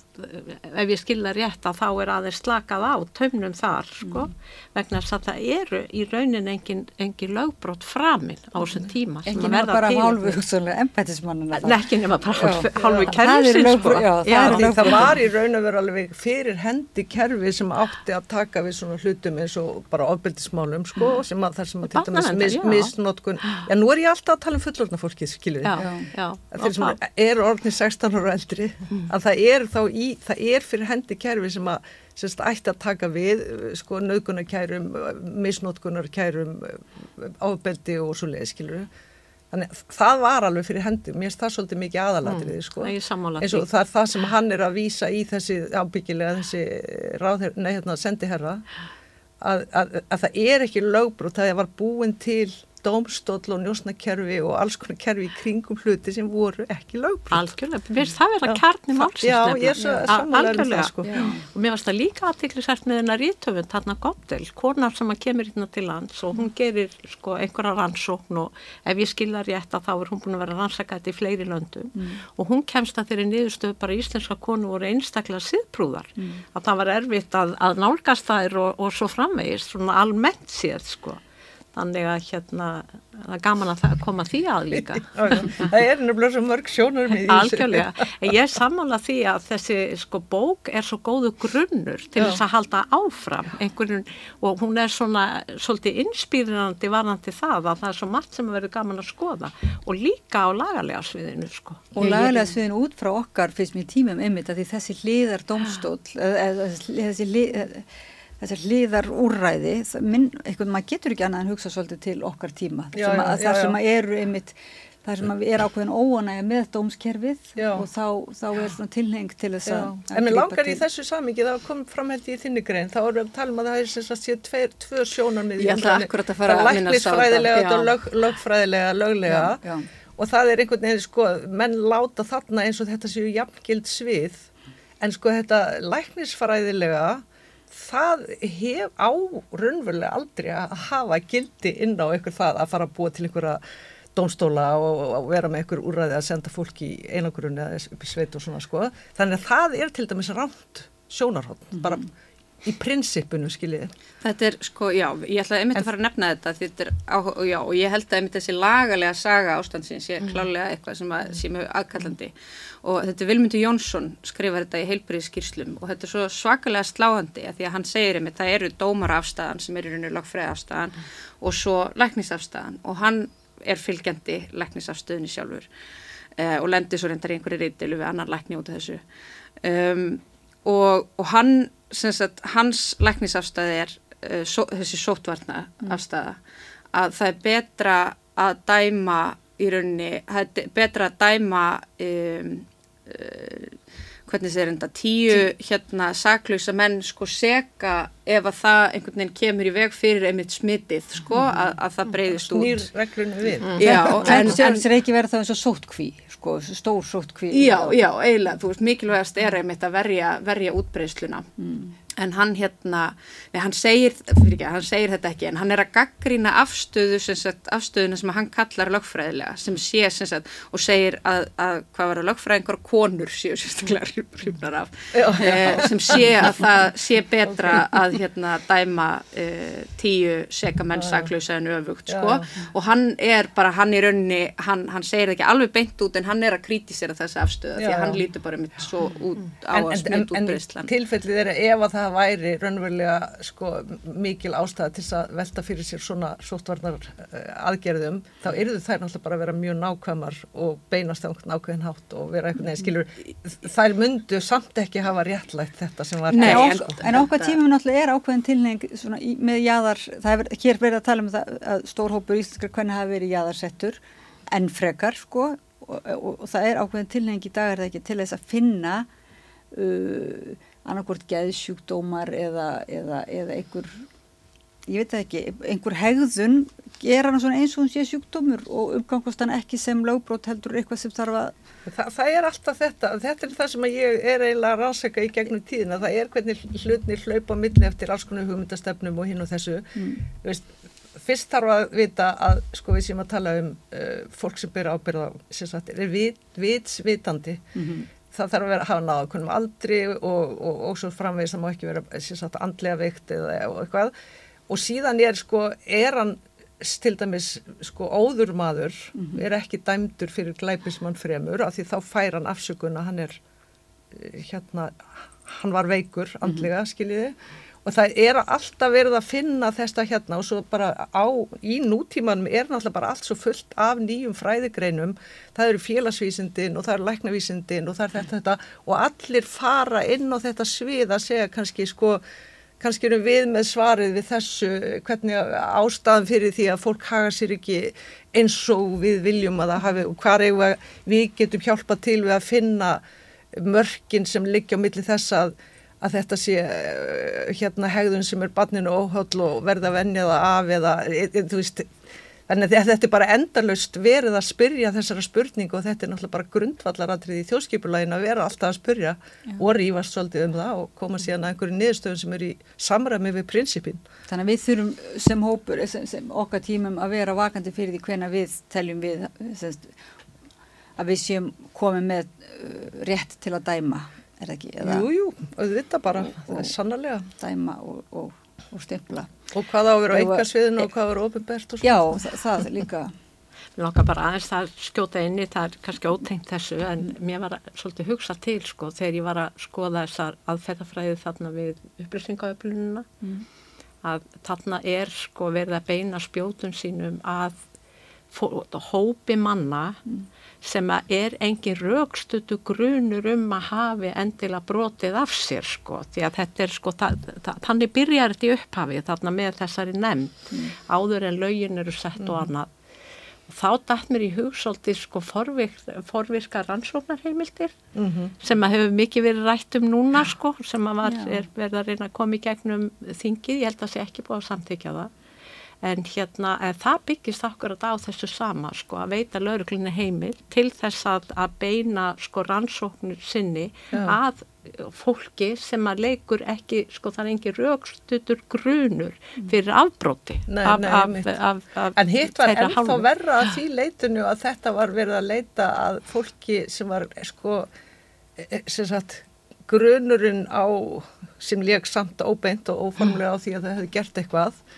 það var ekki heldur glæpur. Nei, það var ekki eins og lögbrot. Það er rétt. Nei, það já, var ekki eins og lögbrot, já, já, já. Þannig að það er ennþá verða heldur ennþá verða, en vera, já, já.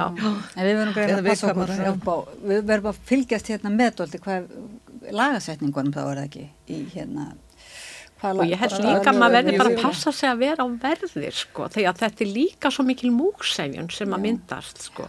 Í hérna, sko eitt af því sem að gæti svona brott eða svona orðið svolítið mál í framtíðin eru þetta sko í sambandi við lofslagsbreytingar að ef að það fer að, að sko, verða uppskerubrestur í þriðjaheiminum í stóru stíl sko, að fólk fari sko, að geta, geti komið að heilu sko öldurnar bara hérna til Evrópu. Mm. Þannig að þá er alltaf spurning hvernig brúðist verði við slíku ástandi því að já, það já. geti verið svona einhvað, einhvað, einhvers konar neðar ástand sko. Já, já, já. Mikið álag á, á, á kerfið sko. Já, og þá held ég að sé bara grunninn mikilvægast að það sé skilningur á því og helst sem almennastur á því þú veist á hvaða stóðum kerfið stendur til þess að maður viti um, inn í hvaða ramma maður getur tala sko. Sem maður fari ekki óvart einhvern veginn að dragast inn í eitthvað, eitthvað sem er uh, villisa eða eitthvað En verður ekki bara, er, er fólk að koma til þín bara og spurja og reyna hérna borg, múta þér til að fá upplýsingar úr lok, lokuðum gagnagrunni, hvort, að, hvort eitthvað tiltikið nafn sé á einhverju lista og svona? Nei, það er nú ekki mikið borðið á því. Nei, En hérna, þakka ykkur kærlega fyrir spjall við greinlega verðum nú að halda þessari umræðu áfram mm. og við og aðrir og hérna komum kannski saman aftur og tökum stöðuna svona reglulega, tjekkum á lögunum og málunum. Lára Magnúsardóttir, sakfræðingur, uh, Bára Baldursdóttir, uh, sakfræðingur, uh, Katrín Teodórsdóttir, lögmaður og Kristín Svafa Tómarsdóttir, sakfræðingur og rítuðundur. Þakka ykkur kærlega fyrir að koma og gefa ykkur tíma til að pæla virkilega í þessari bók, Kynlegt stríð, uh, sem var að koma út ástandið í nýju ljósi eftir Báru Baldurstóttur á sem hér er og svo vorum við líka að vísa mikið í nýja grein, nýjútgefna grein í reytinu eftir Kristínu Söfu og við mælum bara með lestri og áframhaldandi samræðu milli jól og nýjárs og jáfnveil bara áfram og ný, á, hérna í framtíðinni. Takk fyrir. Húsnæðiskostnaður tegum meira en helming á ráðstöðun að tegjum verkafólks í eblingu. Hvernig er þetta réttlæta það? Ebling stjættafélag. Sláist í hópin og gerist áskrifendur.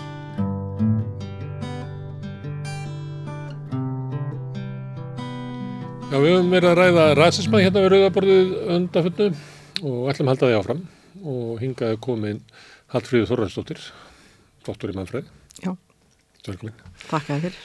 Uh, þú ert Ameríkumentuð Já. Já og þar fær fólk oft svona skýraði sans fyrir svona rasisma og, og aldrei þeirri sögu Mm -hmm. sem er skýrari umfjöllun umræða um í bandaríkjónum heldur en í Evrópu og enn meira heldur en hér Já, það er einfallega vegna þess að þetta er dýfsta sárið í bandarísku samfélagi. Það ristir alveg inn í kviku Já. og er mjög, mjög svona viðvarandi. Sko maður verður áþurðanlega mjög varfiða. Ég var líka svo heppin að ég bjóð í New York borg sem er afskaplega blöndu. Þar býr nú bara svona mm. smækkumynda mannkininu, það er allar útgáður og ég var svo heppin að ég umgegst svart fólk, svarta bandaríkjumenn, meir og minna daglega í tíu ár Þannig ég kynntist bandarískri sögu fyrir utansku fræðin, ég náttúrulega er, er sem sagt, ég kem inn að, kannski inn að þá eftir hvað ég var að gera í mínu námi og hvað ég skrifaði um og svo leiðis, en e, þarna læriði ég svolítið bandaríska sögu eins og ég orðaði sjálf sko bakdýra megin frá, ekki þessar offisíalu ofinfyrir útkáfu, heldur bara hvernig, hvernig sko ég heyrði frásagnir af, frá þessu fólki nánast alveg eins og ég segi af því hvað það er að vera svartur í bandarísku samfélagi mm. og margir líka í þekktu fölta fólki sem kom, hafi komið að sunnan og flutti norður eh, og, og flúði rasismann í Söðuríkjónum og kom svo þarna uppbyttir og það var öðruvísi sláttur, það var ekki, sko það er sko oft talað um það að í Suðuríkjónum sé, ég man ekki alveg hvernig það er orðið þetta en sko það eru elskuleg heit á milli fólksins persónulega en struktúral eða kerfisbundi rasismi í praxís. Mm. Fyrir norðan er það meira sko minni struktúral rasismi en meiri bara svona í persónulegum samskiptum. En þetta var náttúrulega ákvæmlega lardomsríkt og ég reyndar verði að koma því að að ég hef allatíð frá blötu barspeina haft mjög mikið áhuga fyrir e, bara réttindabáratu svartra og mér er það eitthvað nánast í blóðbóri, ég held ég rek það eiginlega til þess að móði mín gaf mér svarta dukku þegar ég bara mm. fyrir mitt minni sem að kvarf svo því hún var svo mikið hún var svo liðlu efni en alla tíð síðan þá hafði ég eitthvað svona sérstak sterkar taugar til, til svartra og kynntist þeim og var eins og ég segi, var bara mjög heppin að kynast þeim þarna mm. í, í New York mm. En uh, bandarækjaman eru svona meðvitaður um rasisma já. en hann er hins vegar grassirandi eftir sem já, já. þó svo að þeir hafi lag með því að svona, uh, tala á þess að stikja neitt að þá er bara kerfisbundin rasismi. Mikið mikil kynþátt að andus stjórnmála stjórnmáli þeirra auðvitað ekki stefna má segja sér rasísk Þannig að, að þó svo að, að, að þau kunni að fara svona varlega og kannski með öðrum hætti heldur að Európumenn, að þá eru þeir ekkert síður rasískir heldur Nei, og það, það mánulega líka heldur ekki gleyma því að sko eins og Amerikana myndi segja we've come a long way but we have still a long way to go. Við höfum komist það er búið að breyta náttúrulega afskaplega mörgu en, en það er ennþá þessi, það er, liggur svo grund og er náttúrulega líka vegna þess að þessi kerfisbindi rasismi, hann hefur haft þér afleðingar að öll tækifæri svartra eru svo skert Mm. Þannig að þeim er haldið í fátakt, þeim er haldið, skólakerfi mætir ekki þörfum vera og svo framvegis og framvegis. Og það er bara þessi þetta, menningarlega uppeld að vera sífælt myndur á það að þú sért minni máttar, þú sért ekki eins góður, þú sért ver af guði gerður, það sé alla líkur að því að þú sért fættur heimskur og jafnvel þjófur, skilur þau, að bara alast upp í þessu umhverfi, þú getur ímyndað hvernig það mótar sjálfsýmynd fólksins Þannig að það er svo, það er svo rosalega laskand og þannig að út af það gengur rasismin, hann er í grunn og botten, þá er þetta hugmyndafræði, þetta er mannana smíð, hún á ekki við neyn, hérna er í vísindarlega röka stiðjast, mm. en gengur út af það að það sé hægt að skipta mannkininu, flokka það í einhverja hérna, afgerandi líffræðilega flokka, þar sem að kvítt fólk trjónir efst og þeirra þjóðskipulag, þjóðríkið eh, er það aðsta sem að manginni hefur nokkur sinni fundið upp á mm. en þeir séu líka, sko kvítir eru náttúrulega bara þannig að Guði gerði samkvæmt þessar hugmyndafræði, að þeir eru svo gáfaðir að þeir, sko, þeir verða að hafa vit fyrir restinni og hinn er sem að lenda fyrir neðan í bara mjög kerfisbundnu hýrarki eða stigveldi, það er þannig að liturinn er ljósastur efst, bara kríu skýt skvítir langsamlega efst mm. og svo döknar liturinn eftir því sem niða dregur mm. og þetta er í fullu samræmi eftir því sem hugmyndafræðin segir við gáfnafar mm. þannig að eftir því sem þú er dekkri á hörund því meiri líkur á því að þú sést heimskari mm. og þess vegna réttlætir það yfir á þeirra kvítu yfir þessum sem eru nýri líka vegna þess og það er partur af hugmyndafræðin líka að þróunar lega séð, man, þróun mannkynsins, þetta kom, kemur Darvin og þróunikenningin inn, segir okkur það, eða það, það segir rasísk hugmyndafræði, mm. að, að þeir sem eru þarna neðstir, þeir séu bara svo skamt á vega komnir á þróunabrautinu, þannig að við hérna þessi kvítu og, og, og forsvarsmenn heimsvaldahyggju og, og nýlendstefnu og allt það, við þurfum bara að flýta þeim, við þurfum að hjálpa þeim sko að rafa þróuninni, mm. þannig að þannig réttlæti, rasismi gengur bara reynlega út af það, að réttlæta kúun, Plain, bara mjög einfalt. Mm. Þetta er svona rasismi hérna, nýlandustöfnunar. Já og sá rasismi sem við höfum verið alveg uppi. En uh, ef maður fyrir aftur fyrir þann tíma að þá rekstu á alls konar eh, fordóma gagvart fólki sem er úr öðrum sveitum.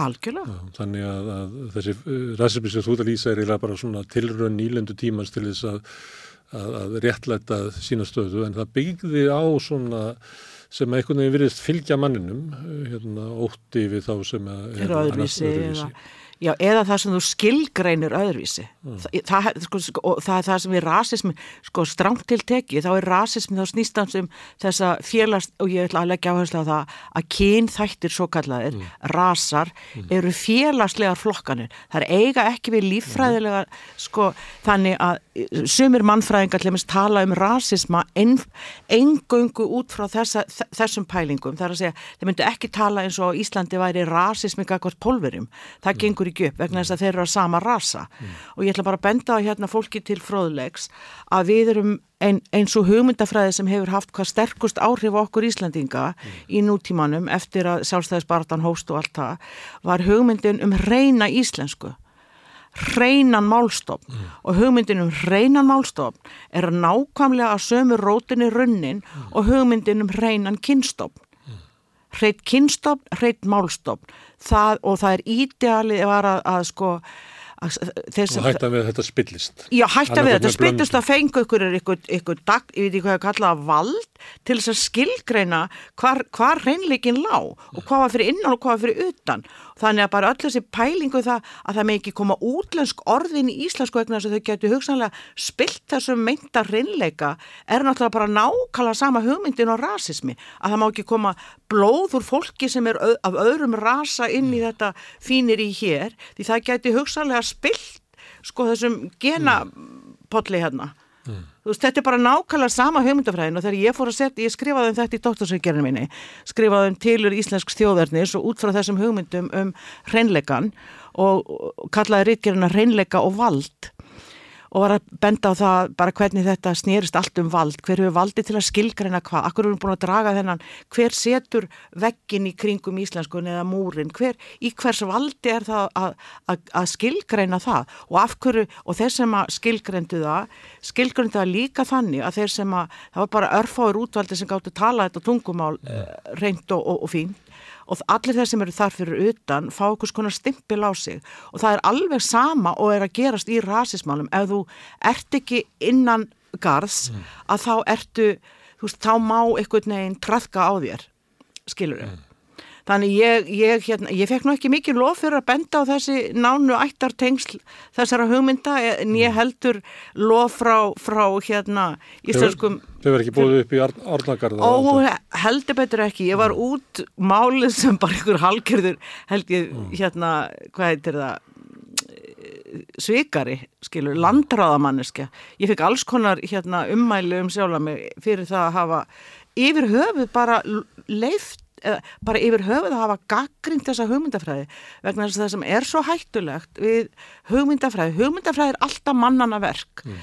en þegar hún er presenteruð þannig eins og hún sé náttúrsbrotin mm. skilur við og, og það er talað um í fræðunum sko ennsku naturalizing power mm. það er að náttúru gera valdið mm. og það var akkurat þessi hugmyndar þannig að rasismin var líka náttúrugerður hinn eiginlegi rasismi og ég er uppalinn á mörgum tveggja menningar heima, Sturinn Jarvíkum mm. þar sem að var innflytjendarsamfélag mm. þar sem voru gamlir útgerðabæir og svo dreif fólk að bara í ár hundraðavís á vertíð og þegar ég er aðalast upp á sjönda áratöknum þá er, er þetta svona skitsofrænist samfélag vegna þess að það er herin á heiðinni og svo er útgerðin nýri í, í plásjánum og það var sko ofsalega sérkennilegt viðþór gagvart þessum, þessum Ameríkonum sem voru þarna í hernum. Annars vegar vor, voru þeir sko fyrirlitnir. Og hins vegar öfundaðir yfir öllum sko gæðunum sem þeir höfðu aðgangað sem að við höfðum ekki greinilega og, og ég maður líka eftir því sko að það var hérna svart fólk sem fór að koma mm. þegar ég kannski upp á 1970 eða eitthvað svo les og, og þá fóru þeir að sjást svona á götum og svona og það var bara eitthvað þú veist en þeir vissu mjög vel af þessum viðþórum Íslandinga í sinn garð mm. og viðþórum yfirvalda og ég var áþreifanlega vörfið það þegar ég flutti vestur um haf að þegar ég fór að segja frá því hvaðan ég væri ég, minnin og ég hafi sagt þess að sögu áður ég veit ekki hvort ég hef sagt hana hérna en ekkert var ég að mótmála fyrir utan hérna samennuð þjóðuna, það var eitthvað rosa máli í örgisræðinu og þar stóð, vorum örfá og þar með var maður sem var eldri maður og hann var með svona eh, jakkan sínum fullt af svona merkjum. Mm og svo fyrir við að spjalla og við erum hvað að býða eftir að, að koma ykkur niðurstaðan í örgisraðinu og,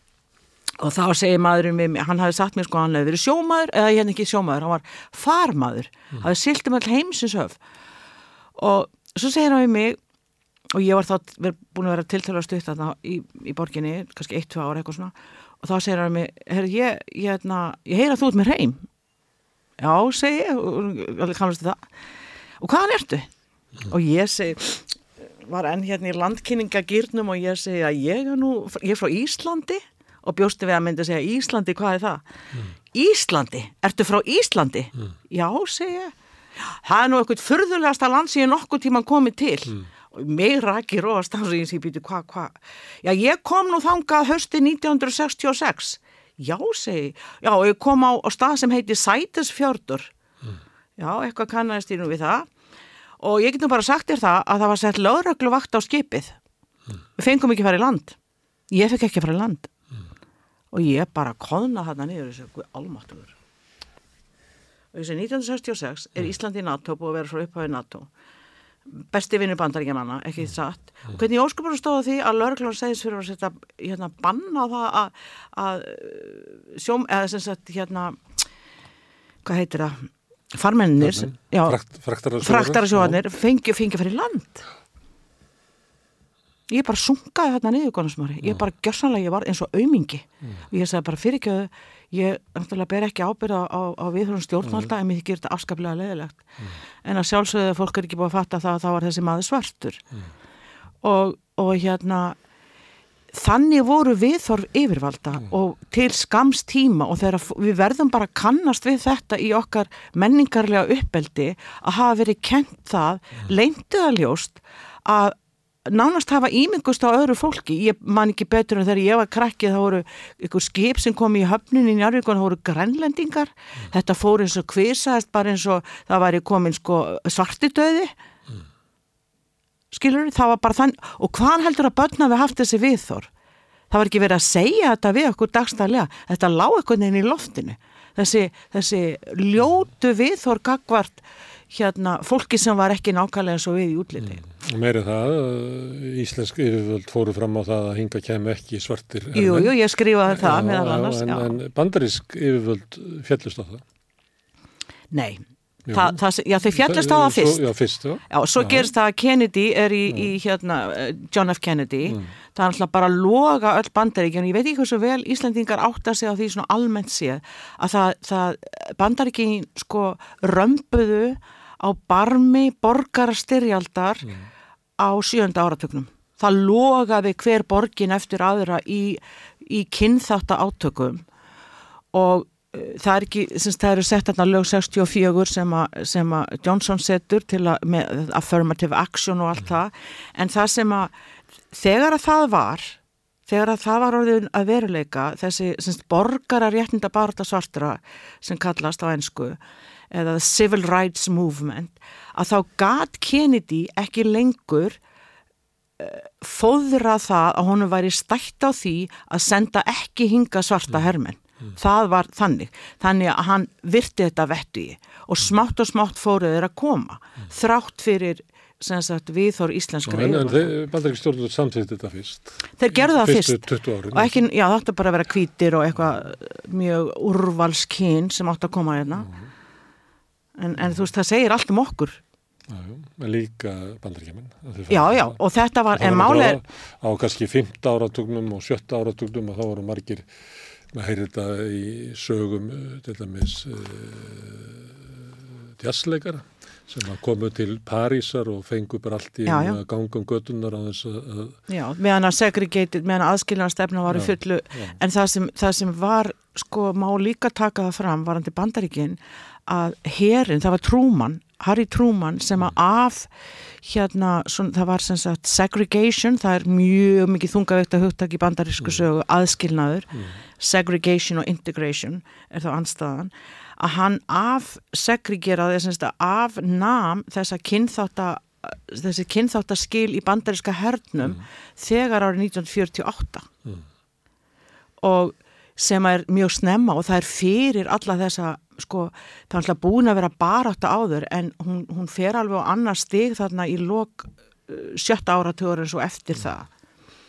Þannig að, að, að við erum að banna svörtum eða semst íslensk yfirvöld erum alltaf bara með hausin einhver staðar í sandinum og En ég er nú bara að draga fram að það er svo stutt, þarna var svo stutt síðan að bandaríkjaman höfðu verið sko. algjörlega. Já, þannig að það er ekki eins og að, að Íslandikar hafi verið sko öldum eftir öðrum sko. Nei, nei og ég átti vini smári sem að voru, eins og eitt vini minn sem var frá South Carolina, Suðu Karolínu stráku fættur 62 og, og þá tökur fólki kominn og hann sagði, já, ég hérna það var alltaf þannig bara í bíó heima þú veist, við þurftum að sitja, við þurftum að sitja uppi sko og þú veist, þá er hann að tala um sko, við erum að tala um 70 og eitthvað að það var, þó að væri búið að afnema þessa aðskilnaðstefnu að þá var hún bara eins og við vitum alveg að hugmyndir eins og vistabandi þó að það verið afnemi 1894 eða 6 eða hvernig það var að þá emdi eftir þessari, þessum hugmyndum í marga áratíu og eftir. Það eru, vinnukonur sem að unnu á íslenskum borgaraheimildum. Oft hérna kom úr sveitinni sem að húsbúndin eða húsfriðan hafðu komið úr, voru settar henni inn sem eru eiginlega nákvæmlega eins og sko þrælahald. Byggu bara upp í risi og, og skrifar matur- mjög matunungar. vel um þetta Hérna. Þetta, er, þetta er fram á bara fram yfir eh, fram yfir stríð, Já. alveg fram á sjötta áratíðin og það er, sko hún skrifaði mjög það er bók sem var endurútgjöf fyrir örfám ára síðan uh, æfisega aðalhegar Holm hún hétt eitthvað aðeins meira og tók líka nafn mannsins í svo flutti til Hollands og ílendist þar. Og hún var hérna, stopnandi sóknar. eitthvað, já, einmitt, hún stopnandi sóknar verkakvænafélagsins og hún skrifar hún segir frá þessum konum. Og, og líka ég mann ég, það rifjaði stöffir mér, ég var að lesa þetta fyrir hvað tveimur ára síðan að vinnukonur þessar aðalegur Holmspanns já, já, að hún myndist á það sko að þær höfðu þær höfðu sem sagt frídag á fymtudum, mm. fymtaskvöldum og ég man til að mamma saði mér að, að líka frá þessu með frítaginu mm. fymtudum og ég held að aðalhefur hafi minnst á það eða einhver, einhver staðar hefði það frá að þeir sem að vandir voru að virðingu sinni þér mm. letu ekki sjá sig úti á skemmtustöðum á fymtaskvöldum þeir voru til að vera ekki bendlaðir við eitthvað þeir voru svona þernur og eru, nei þú veist, vildi, þú veist það var eitthvað svona já partur af þessari hugmyndafræði sko.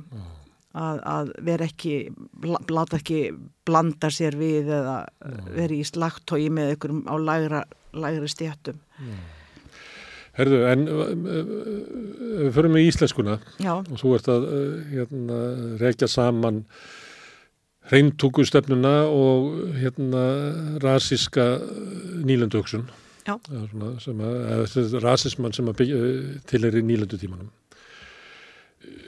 andmælin eru líklega þau að ertu ekki að ruggla saman bara hvað er bara fallegt mál og, og, og gott mál og ertu ekki að ruggla því saman við hérna rasisma? Sko ég er ekki að ruggla því saman við rasisma ég er bara að benda það að þessar hugmyndur um hreinleikan Já. eru af sama meði mm. hrein kynstopp hrein málstopp ok og það er allt til þess vinnandi samkvæmt þessari hugmyndafræði að halda þessu hreinu og þá spyr ég, hver hefur skilgreininga valdið en það hvað er hrein kynstof? Þá myndi þau segja líklega já það er, þetta er bara smekksatri þetta er líka bara, nei, nei. þetta er eins og hljóm sumt er í, í hérna, fagur söngur en annað er það ekki. En það eru ákveðna mm. skilgreiningar smári, það er alveg eins og sko, ok, tökum hérna rasismann, mm. Vestanhafs mm. að þá ef að ég er afkomandi kvítrarmóður og svartsföður mm. þá er ég svört. Mm. ég er ekki, ég er ekki hálf kvít já, það er vegna þess að það er já, búið, það, það er bara vegna þess að það setja mér í hinna kategóriuna á Íslandi þessi hugmyndafræði Obama var svartur tótt að mamma svarur kvít já. Já og, og hérna, og hann var ekkit sko, Obama var svo augljóslega fyrir mig Já. og alla svarta bandaríkjaman hann var ekki Afrikan-Amerikan hann var ekki alveg upp af Nei, hann var ekki alveg upp í þessari menningu. hann var upp í Asjú með hann Já, líka en bara hann fór nú svona, svona sem ungum aðu þá reyndan að menta sig til svartrar menningar. Já, en hann var ekki hann var ekki, hann átti ekki rætur í þeirri nei, menningu en nei. konan hans átt á það. En, en það sem ég ætla að segja var hann til íslenskuna mm að það sem gerist, og þetta er alltaf bara heilmikil þróun að saga að, svo, þessi hugmyndafræði, hvernig hún þróast hér og verður, eins og allir íslendinga vita aðal vopni í sálstæðspartun og alltaf bla bla bla mm. og það er einfallega vegna þess að það koma fram hugmyndir í Európu á þessum tíma, þjóðinshugmyndir og það er byggja á annari hugmyndafræði heimsbyggi sem að það sem því er haldið fram að sá hópur fólks sem getur sannafað að hann eigi sitt eigið tungumál mm hann hafi tilkall til pólitískra yfirráða yfir því landsvæði sem hann byggir. Þetta eigin tungumál, það voru alls konar hugmyndir um hvað væri tungumál og hvað væri ekki tungumál og það er ursprung, þetta voru þýskar hugmyndir og, og þessar, hugmynd, þessar hugmyndir komu frá þýskum heimsbyggingum og þá var aðalatrið að geta líka sko sagt, þetta kemur eftir síðaskiptin því að latínan var fyrst þetta lingafranga samskiptamáli í Európu og, og Guð talaði latínuskilur í gegnum kirkuna mm. og Luther eh, rýs upp gegn kirkjunni yfir til þess að geta fengið að tala bara mál fólksins líka. En þá þurft að sanna samkvæmt þessu þjóðuninsíki hugmyndum. Hvað er þá tungumáli? Jú, þú þurftir að fara sko andi Guðs það var hugmyndin, þetta er þetta svolítið trúalegt en andi Guðs lifir í tungumálunu eins og það var í upphafi þegar Guð skapaði heiminn og til þess að komast næst hinn um reyna anda þjóðarinnar að þá þurft að fara sko aftur á bak í tungumálunu og það gerðum við hér. Þannig að allt það sem að hægt var að segja að hefði verið í upphafi sko frá landnásöld helst, það var af hinnu góða. Allt það sem kom frá erlendum áhrifin, það var að það vinni illa og þannig að þannig dróðu þeir mörkin alveg samátt að orðið hefði verið í sko, tungumáli 300-400 ár, það skipti einhver máli því að ef það, það fittaði ekki inn í þessa flokkunda flokkuna kerfi þá var það bara sett út af sakramentinu og við sjáum, við þekkjum þetta bæði ég og þú, bara hvernig sum orð voru hreinlega sett út af sakramentinu. Kanski skýrst það dæmi hérna við stofnun Ísraels að þú takaður upp hebrisku sem að fæstir þeirra töluðu. Já, þeir töluðu langflestir jittísku ég hef mitt fóri í gegnum þann litteratúra allar saman. Endur fæða gamalt dáið tungumál. Já, þeir byggðu á því að, að nákvæmlega þessari hugmynd, því ég fóri mitt í gegnum þetta hennar litteratúr því ég var að skrifa að, að hérna, eh, og þetta stóði í mörgum en jittískan er náttúrulega með alls konar afbreyðum en þeirra samskiptamál í Evrópu, í norður Evrópu og á sér, sko hún er mjög svona þísku, hún er sko málfræðin skils mér að sé mjög svona eins og í þísku ég skil, þegar ég hlust á jittísku mm. þá næ ég alveg þræði mm. en þeir heldu alltaf geðingarnir, þeir heldu alltaf trúaratöflunum sínum á hebresku mm. og þar byggja þeir upp sko þetta nýja, þessa nýju hebresku. Taka latínuna já. Eh, sína og Sína reyna að endur fæðana sem, sem hérna sko... svipað og norðmenn fóru eiginlega sóttu svona gamalt ungumál og reyndu að endur næra. Já, já, hérna einmitt, einmitt. Mm. Það eru tvö ríkismáli mitt alltaf í Nóri, það er, mm. er í Nóri. Mm. Þannig að það, þarna eru þessi, þessi hugmyndafræði, sko þjóðutinsíkjan er náttúrulega alveg rosalegt hérna hún er opástætt eigðileggingarafl en hún er líka það sem hún, hún er kannski ekki allslæm af því að hún, ok, hún, hún hérna blæs fólki anda í brjóst en það er yðurlega á þeim forsendum mm. að það sé betra en hinnir. Það er eins og fólki hætti til eiginlega hvað sem er. Nú eru grindvikingar að ganga í gegnum vandamál og, og þau upplifið að, að þeir áreinir að þá hérna standa grindvíkika saman og þeir eru áraðinir uh, hafa þolgæði og geta staðist mikla raunir og missi ekki vonina og mm -hmm. þetta áviður náttúrulega alla hópa alls þar í heiminu sem verður áfællum og þarna er auðvitað fólki hætti til þess að, að, að telja þetta að vera sérstakir aðeins og þegar Íslendingar heldur þjóðfund og var, hvað er engin Íslendinga gott að það var ekki bara heiðalegi og og sannsögli sem er bara og mítan og, og sko sköpunarsaga Íslandinga mm. eins og hún var sett fram á bara í upphæðu 20. aldarinnar og ég segi sköpunarsaga vegna þess að allar þjóðir hafa búið sér til sköpunarsögu mm. og hún er yfirlt alltaf, alltaf sama, sami, sko, sama stefið í henni og stígandin Þannig var í upphæfi vega var þetta stórkosli þjóð mm. sem Guðskapaði bla bla bla eitthvað og, og hérna samanber landnámssaga okkar mm. og allt þetta voru þetta hetjus er riðum héruð og, mm. og svo framvis og síðan koma einhver erlendöfl og eðilegja allt saman og þjóðin situr nýpinn í kulda og volæði öldum saman þar til allt í einu eitthvað við þetta þá vaknar hún upp til lífsins hristir af sér okið hristir af sér erlend yfirráð og stýgur fram sko af öllum, allir sinni makt mm. í, og stórfengleik mm. skilur þú, og mm. þegar þú ferð og skoðar sköpun og sögu annar þjóða, bara hérna í Evrópu þjóða sem að voru undir kannski tilherðið ykkur keisara veldi eða eitthvað svolítið, það verður þetta nákvæmlega sama saga. Þetta er bara sterkast að saga í stjórnmálum, þetta er, já Trump er þetta það að, að, að það verður svona innri síðspilling sem hafi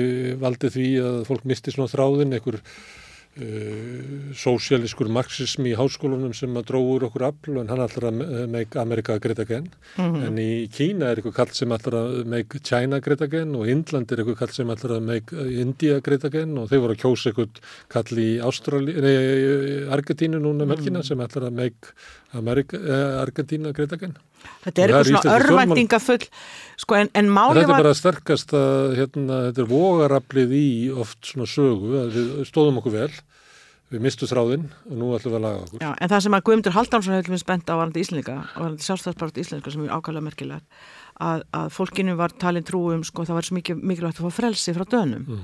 frelsi, frelsi, frelsi, frelsi, frelsi og sjálfstæði mm. sjálfstæði frá dönum mm hvað var Bjartur í sumarúsum að gera? Hann vildi auðlast sjálfstæði, hann var ekki að pæli í dönum, hann var bara að pæli þessum sem kúðan skilur og það voru íslenski smábændur já, íslenski smábændur mm. þessi, þessi sem húttu hér í voru leiguleðar og, og sárafátækjur og allt það, þeir vilt bara losna undan okinu af stórbændum þeir voru held í minnst, eins og Guðmundur Haldarsson hefur bent á, minnst að veltaði fyrir sig hvort þetta væri sko einhver erlend yfiráð, skiluru. En það var náttúrulega íslensk borgarastjætt verður í raun og verið ekki almennilega til fyrir en í lok 19. aldarinn og eitt af því sem, fyrsta sem þið gerðu e, var að e, banna þarna á landsöðingjartífumbölu þá er öllum öðrum bannað að sitja í stjórnsíslunni nema þeim sem töluður reypirandi íslensku mm. og það var bara auðvitað gert þess að bóla dönum út sem var kannski bara allt í lægi en... en þetta eru, eru kraftmikla sögur og góðsögnir sem eru notar í politík Íslenska sagan, hún er svolítið skrítin að hérna, við þurftum að íta útlendingum í burtu og landhelginni og fleira til þess að geta nýtt hana til þess að, að byggja hér upp öflugt og gott samfélag og mm -hmm. síðan gáðum við bara nokkrum auðmönnum þetta, menn að íslenska sagan er orðið svolítið skrítin. Mjög skrítin og það, þá, þá spyr ég býtu... Þess að hrunið er skemmir þess að sögu. Já, en það er líka það er, það er eitthvað, sko, það er líka þessi, sko það er hægt að spyrja sig er eitthvað öðruvísi að láta arðræna sig af samlöndum sínum eða einhverjum útlendingum. Mm. Hver er munurinn? Ef að kvótakongurinn býr ekki lengur, þú veist, í plásinu, hann, hann er alveg hjartanlega sama um fólki sem þar býr, mm. er einhver munur á því eða einhverjum, sko, nýlenduherra sem býr í, í, í London og fjárstýrir businessinum þaðan frá. Það skiptir að máli hvort að Valitor sem að tilvar sé eigu íslensku bankana og heyri undir íslenska lögsugan við getum kannski gripið inn í að gert eitthvað eða hvort að bankan eru búin að selja þetta til uh, ykkur uh, aukifins frá Ísrael Já. sem að reyrekur hér rapid og getur gert hvað sem það vilja. Já, það, það, getur skipt máli en þá er líka spurningin ég er ekki lögfrámanniski og, og, og skil ekki alveg. En þá, þá er hægt að spyrja sig hvað getum við gert sem ráðum yfir þessum lögum og lofum í þessu landi til að koma í veg fyrir að að, að, hlut, að sagt, stofnanir eins og bankar komist í eigu erlendra aðila sem ekki lúta sem geta haga sér eins og þeir vilja? Við hljótum að þurfa að setja ykkur að bremsur hérna sjálf. Mm. og saman getur við sagt kannski með Samerja er, skiptir að máli fyrir okkur hvort að þessu hérna útgerð frá austur Englandi sem er að veiða hér og selja út eða hvort að Samerja eigi þetta og flytti fiskin út til hérna austur Englands og það sem hann er unnin. Já, ég held að sé, sko ég held að það sé ekkit endilega svo hérna svart og kvítt sko. Nei. Þú veist, það er bara og við sáum það í hruninu, ég, ég var mjög rátt að hugsa þessi í hruninu, hefði þetta verið ellendir aðilar og hefur þetta skella, sko, nóg að gert að skella skuldin á, e, sko Það er nú reynda með því að láta umsátrið ákveðinu öll hér sem að vildu það vildu skrifa þetta á reikning e, útlendinga. Hannes Holmstein hefur hérna fengið borgað fyrir, fyrir að skrifa þetta það, og, og fleiri sem hafa skrifað svona sögu um að, að Íslendingar hafi verið sviknir af að vinna þjóðum sínum Sælabokastjórin í hruninu vildi hérna, upplýði svo mikið svig að það hefði ekki verið hjálpa, hann vildi leita til Bútin og fann lán þar. Jú, jú, við munum það. Herðan, við erum komið kannski svona yfir en þetta er náttúrulega að því að einhver leiti er rasismi byggði á einhverju anduð eða fæð fólks sem er einhvern veginn samanleg á þeim sem er úr öðru sveitum. Þú veist, ég held að það er ekki að neyta því að það hafi verið til óttinn gagvart einu ókunnuga áður en að, að sko rasískar kenningar nýlötu tímals eru formaðar. Þannig einhver leiti er þetta þannig, að því ég ætla að koma að þessu að því Já, að... Já, einhver leiti er það þannig og þrælahald var náttúrulega því rasismin tengis alltaf mjög mikið þrælahaldi og allt það. Já, og þú tengir þetta saman með því að benda á svona þess að uppbruna hugmyndir um íslenskuna, Já. að kúun var fyrst og fremst skakvart ekki bara fólki sem var ellend, eh, dönskum embætismannum, heldur fólki sem kom af, af, af hérna, svona óæskilir í svæðum sumuleiti var þetta látið bytna á, á sjáarbygðunum þar sem að fólk hafði svona brotist frá vinnumennskunni og, og það var hvernig það fólk talaði var, var forsmáð til þess að halda þeim niðri. Og mm -hmm. þannig er það komið með svona rasisma sem er ekki beint rasismi heldur er þetta, þetta er kúnatæki, kúnatæki. það, það samíleitt með rasisman þetta er kúnatæki. Og ég sagði það varandi mína reitger eða það er efni sem ég tók hann fyrir dóttursvíkjörni ég komst þeirri niðurstöðu að, að þjóðninsíkjan þessi, þessi útgáða þjóðninsíkjunu urðu á Íslandi eins og veralleg trúarbröð þau voru yfir alla gaggrinni hafin og þetta var það sem við saminniðustum um.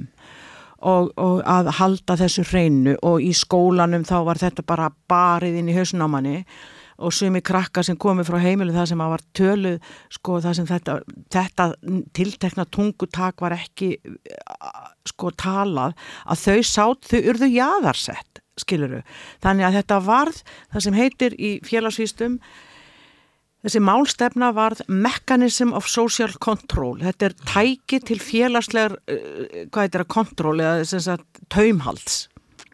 Þú heldur, sagt, það er að halda fólki í, í, í taumi og hleypa þeim ekki að vegna þess að þau uppfylla ekki þessi ákveðinu skilur. Í taumi að bara halda þeim frutan, frá borðinu það sem er tagnar ákvarðanir, frá herbylginu það sem veistlan er og allt það. Já og þetta og, er mjög algengt sko í öðrum löndu líka mm.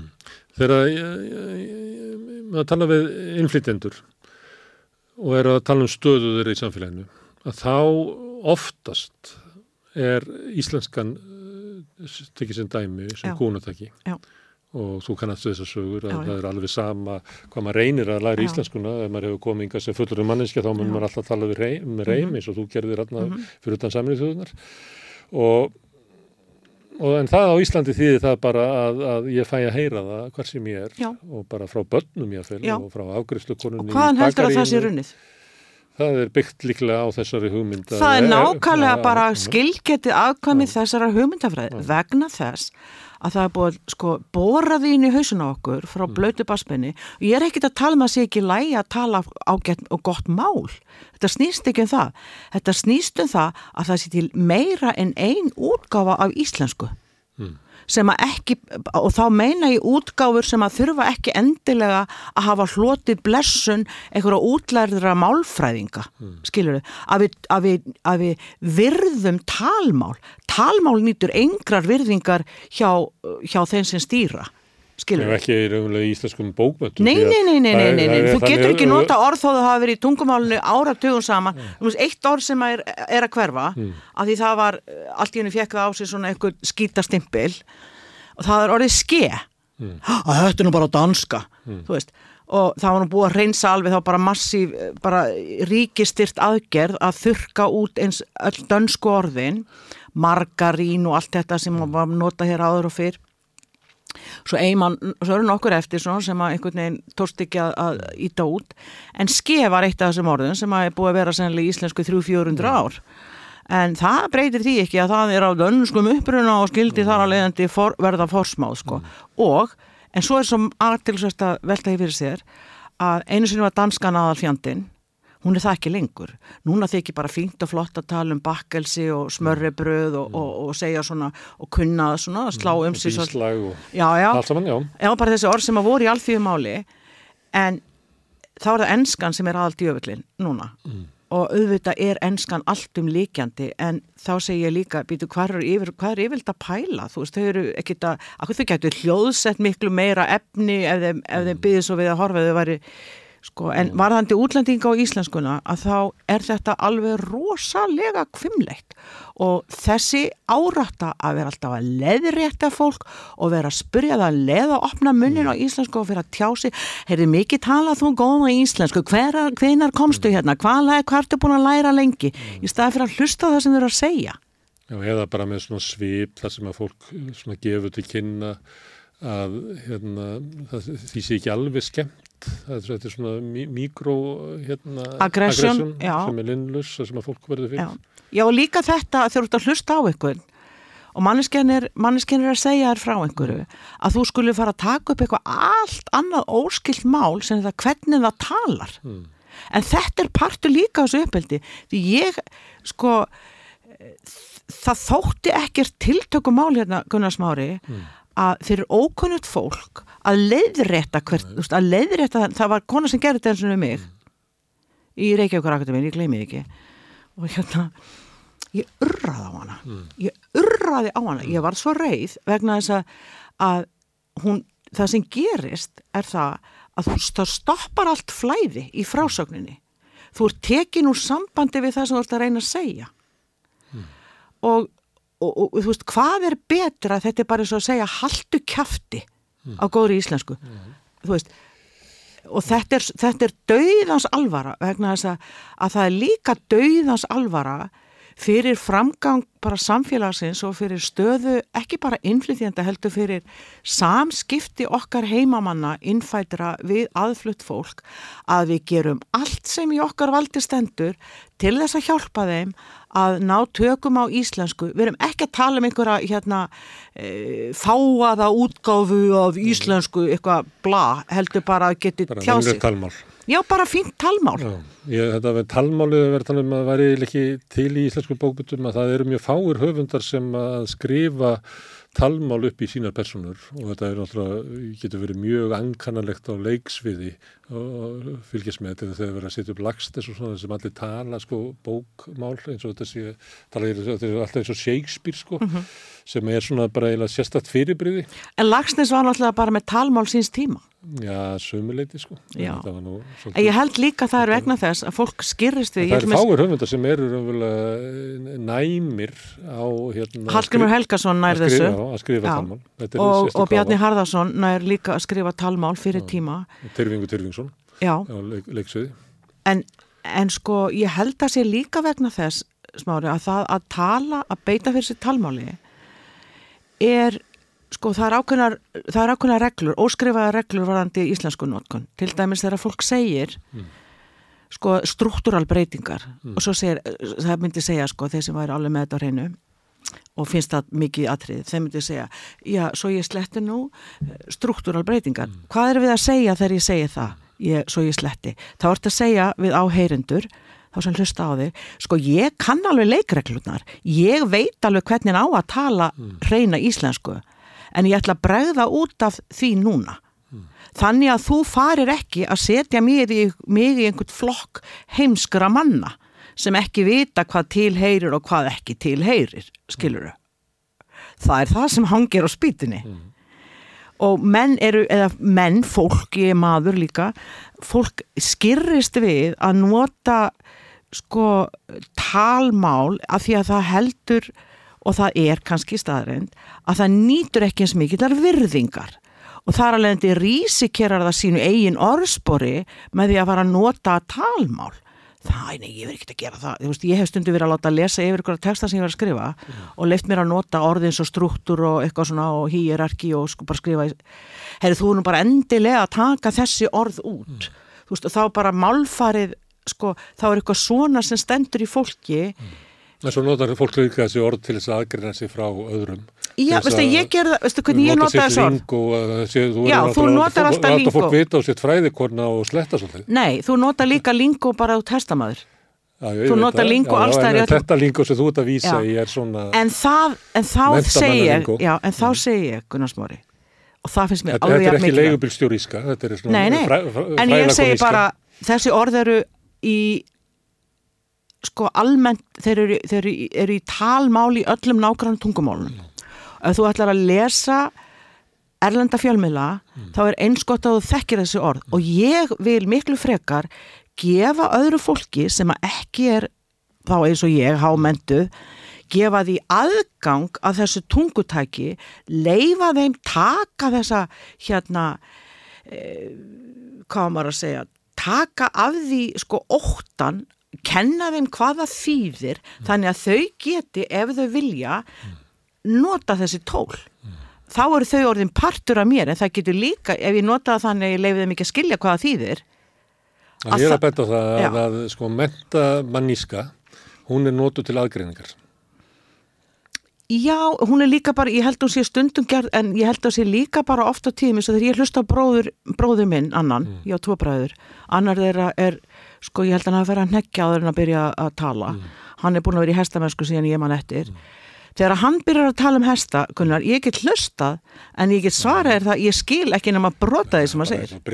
Brittspilarar Þú er bara eitthvað tungutak sem að En, en, en, en orðin eru íslensk Það er hýrakíja í þessu þannig að það er hérna meira hérna meira power í því að beita fyrir sig sko mentamannísku heldur hestamannísku Ef þú ert ekki, eða sko, leigubílstjórísku Já, ef ert, ef, en ef þú ert að reyna að komast inn í hópin, því að eins og einn fræðimaður, mjög þekktur, sem er nú látin, hér Pierre Bourdieu, var mannfræðingur og félagsfræðingur, hann rannsakaði akkur þetta svo mikið með tungumálið og hvernig það var sko stigveldi í frönskunni og allt þetta hýrarki og, og hann sagði svo réttilega að þú verður, og ég hef marg spurt fólk að þessu, alls konar fólk, til þess að öðlast fulla aðild í ákveðnum hópum þá verður þú öðlast hann ekki fyrir en þú hefur sko náð tökum á því tungutaki sem það ríkir.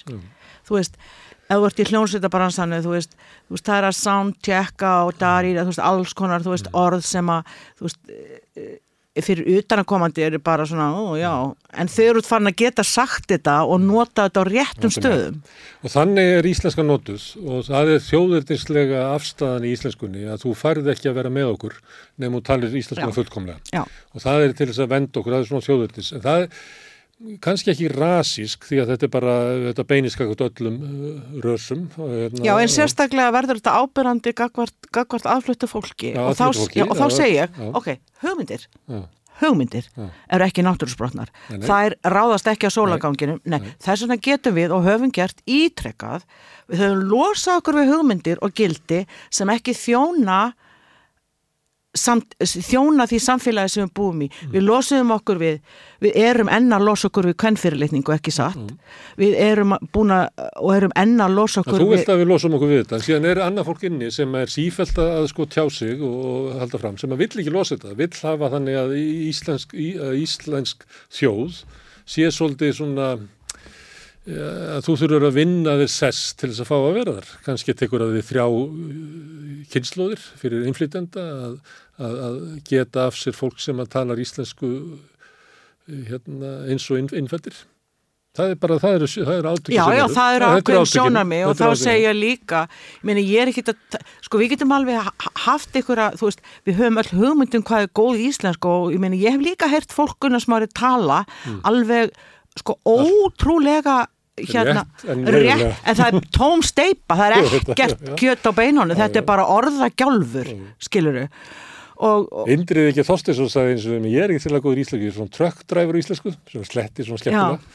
Að það er náttúrulega, við veitum það, það er bara fyrir eftir hvað ert að segja sem skiptir máli, en því miður þegar...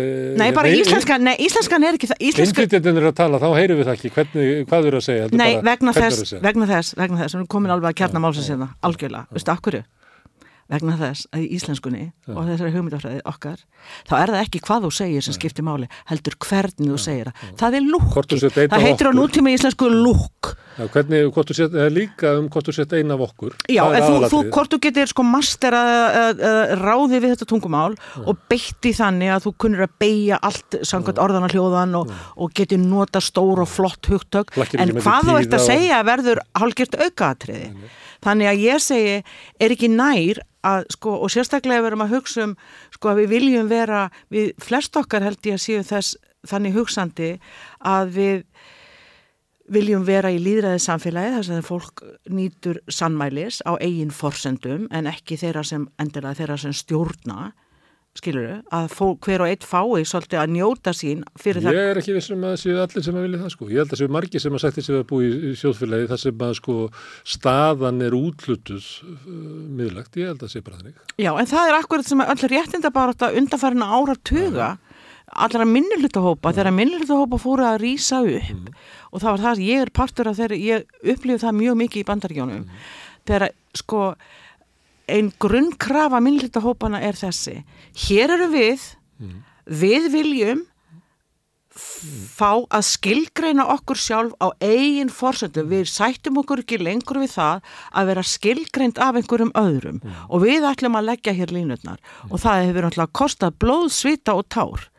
Og við, við getum náttúrulega bara alveg beðið eftir því að innflytjandur en masse í bara, í stó, bara í, sem reyfing það skapist hérna reyfing sem rýs upp á, á, og segir hingað og ekki lengra. Gerir sko. við erum hluta þessu samfélagi og þó við tölum ekki þetta stórkostlega tungumál eins vel og þið að þá erum við hérna enga síður og höfum lagt ha, við borgum skatta, Við borgum borgum eins og útvarskjald við- og fáum ekkert nema skitt og skömm. Nei, nei, og, og þú veist, þannig að, að við getum náttúrulega sko beðið þangað til eða að við sættum okkur við það og vikum aðeins út sjóndeldarhingin, vikum út hérna sko hvað að vera að tala íslensku. Ég er alveg svo allir aðrir fólk á mínum aldri uppalinn í þessari hugmyndafræði og ég stend mig að því Gunnarsmári bara fram á þennan dag að þegar ég er að hlusta, er með eitthvað útarpið mallandi eitthvað, þú veist, og einhver segir eitthvað sem er brot á þessum heilugu reglum að þá stundum veit ég ekki að því fyrir en að ég er búin að leiðir þetta viðkomandi, mm. skilur og, en ég þarf að passa mig að, þú veist, ég get gert það í samskiptu við annað fólk að sleppa því, þú veist. En þú ert að lýsa þessu svona e, e, þróun, en þetta er barátta. Þetta Og er að- barátta, og Ef þetta væri ekki anstaða við þessa baráttu, þá væri þetta ekki barátta. Þá myndi þetta bara allt renna ljúft í gegn, en það gerir það ekki.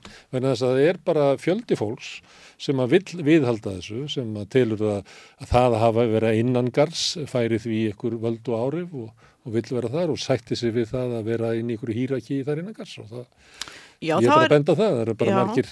Já, það er sennilega, það er ábyggilega, ábyggilega rétt hjá þér og það er líka, sko, auðvitað kemur, sko, það, það er allstar þetta, þessi, þessi tröppugangur eða hýrarki, píramíti og hvað við viljum kalla. Leið út komin upp í aðra tröppu og þá viltu halda þeim sem eru neðst niðri áfram niðri. Já, þú, og það sem gerist yfirlega þegar að fólk stendur félagslega veikt, segjum, að þá er því ennþá meira kapsmál að vera ekki blandað við sko, þá sem er, er fyrir hugsanlega fyrir neðan það.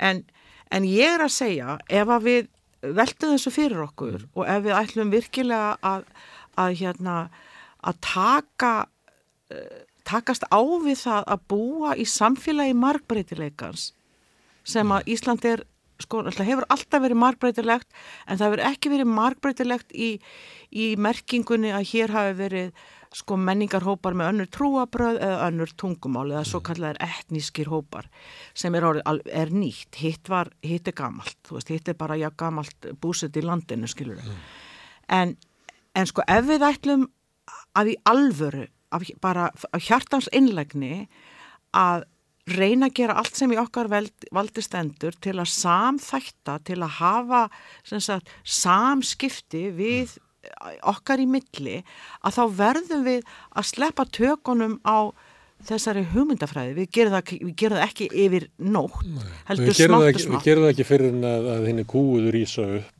Þannig það er saga svartra í bandaríkjunum. Það var ekki þannig að hvítir kemist að því er það ekki, bara aðeins og langt gengið hjá okkur. Ef við ekki bara aðeins. eru ekki- sagt bara, nei, stelpur Nei, eru að er alltaf lengi maður, þetta er Nei. ágætt. Að ef, við viljum laga þetta þá ættum við að ebla samtöku innflytjenda til þess að þau getur háð sína hagsmunabaratu. Já, en svo kemur að því sko að innflindur, sko samnefnari innflindur á Íslandi er, þá, er að þeir eru bara innflindur hér, þeir eru ekki, þeir eru menningarlega séð, ég meina, einhver sem er frá Venezuela, Tælandi, Og það er það sem ég ætla að koma á að því að þetta með tungumálið er það sem að, e, svona, það er erfitt að það er ekki hægt að skilja þessi rasisma, þetta er bara, þetta er hérna svona þjóðirnisstefna, þetta er svona aðgreiningastefna, kakot öllum sem að... Á það sameiginlegt með rasisma. Já, sem að, en, en meðal innflytjenda hérna eru hins vegar sko fólk sem að venjulegu rasismi bitnar á. Fólk-. Fólk sem að, er öðru í svo litin Já. Og það er hérna... Og það er líka, svo því sé haldið til haga, Mm. manneskjani sjálfur sér lík Mm.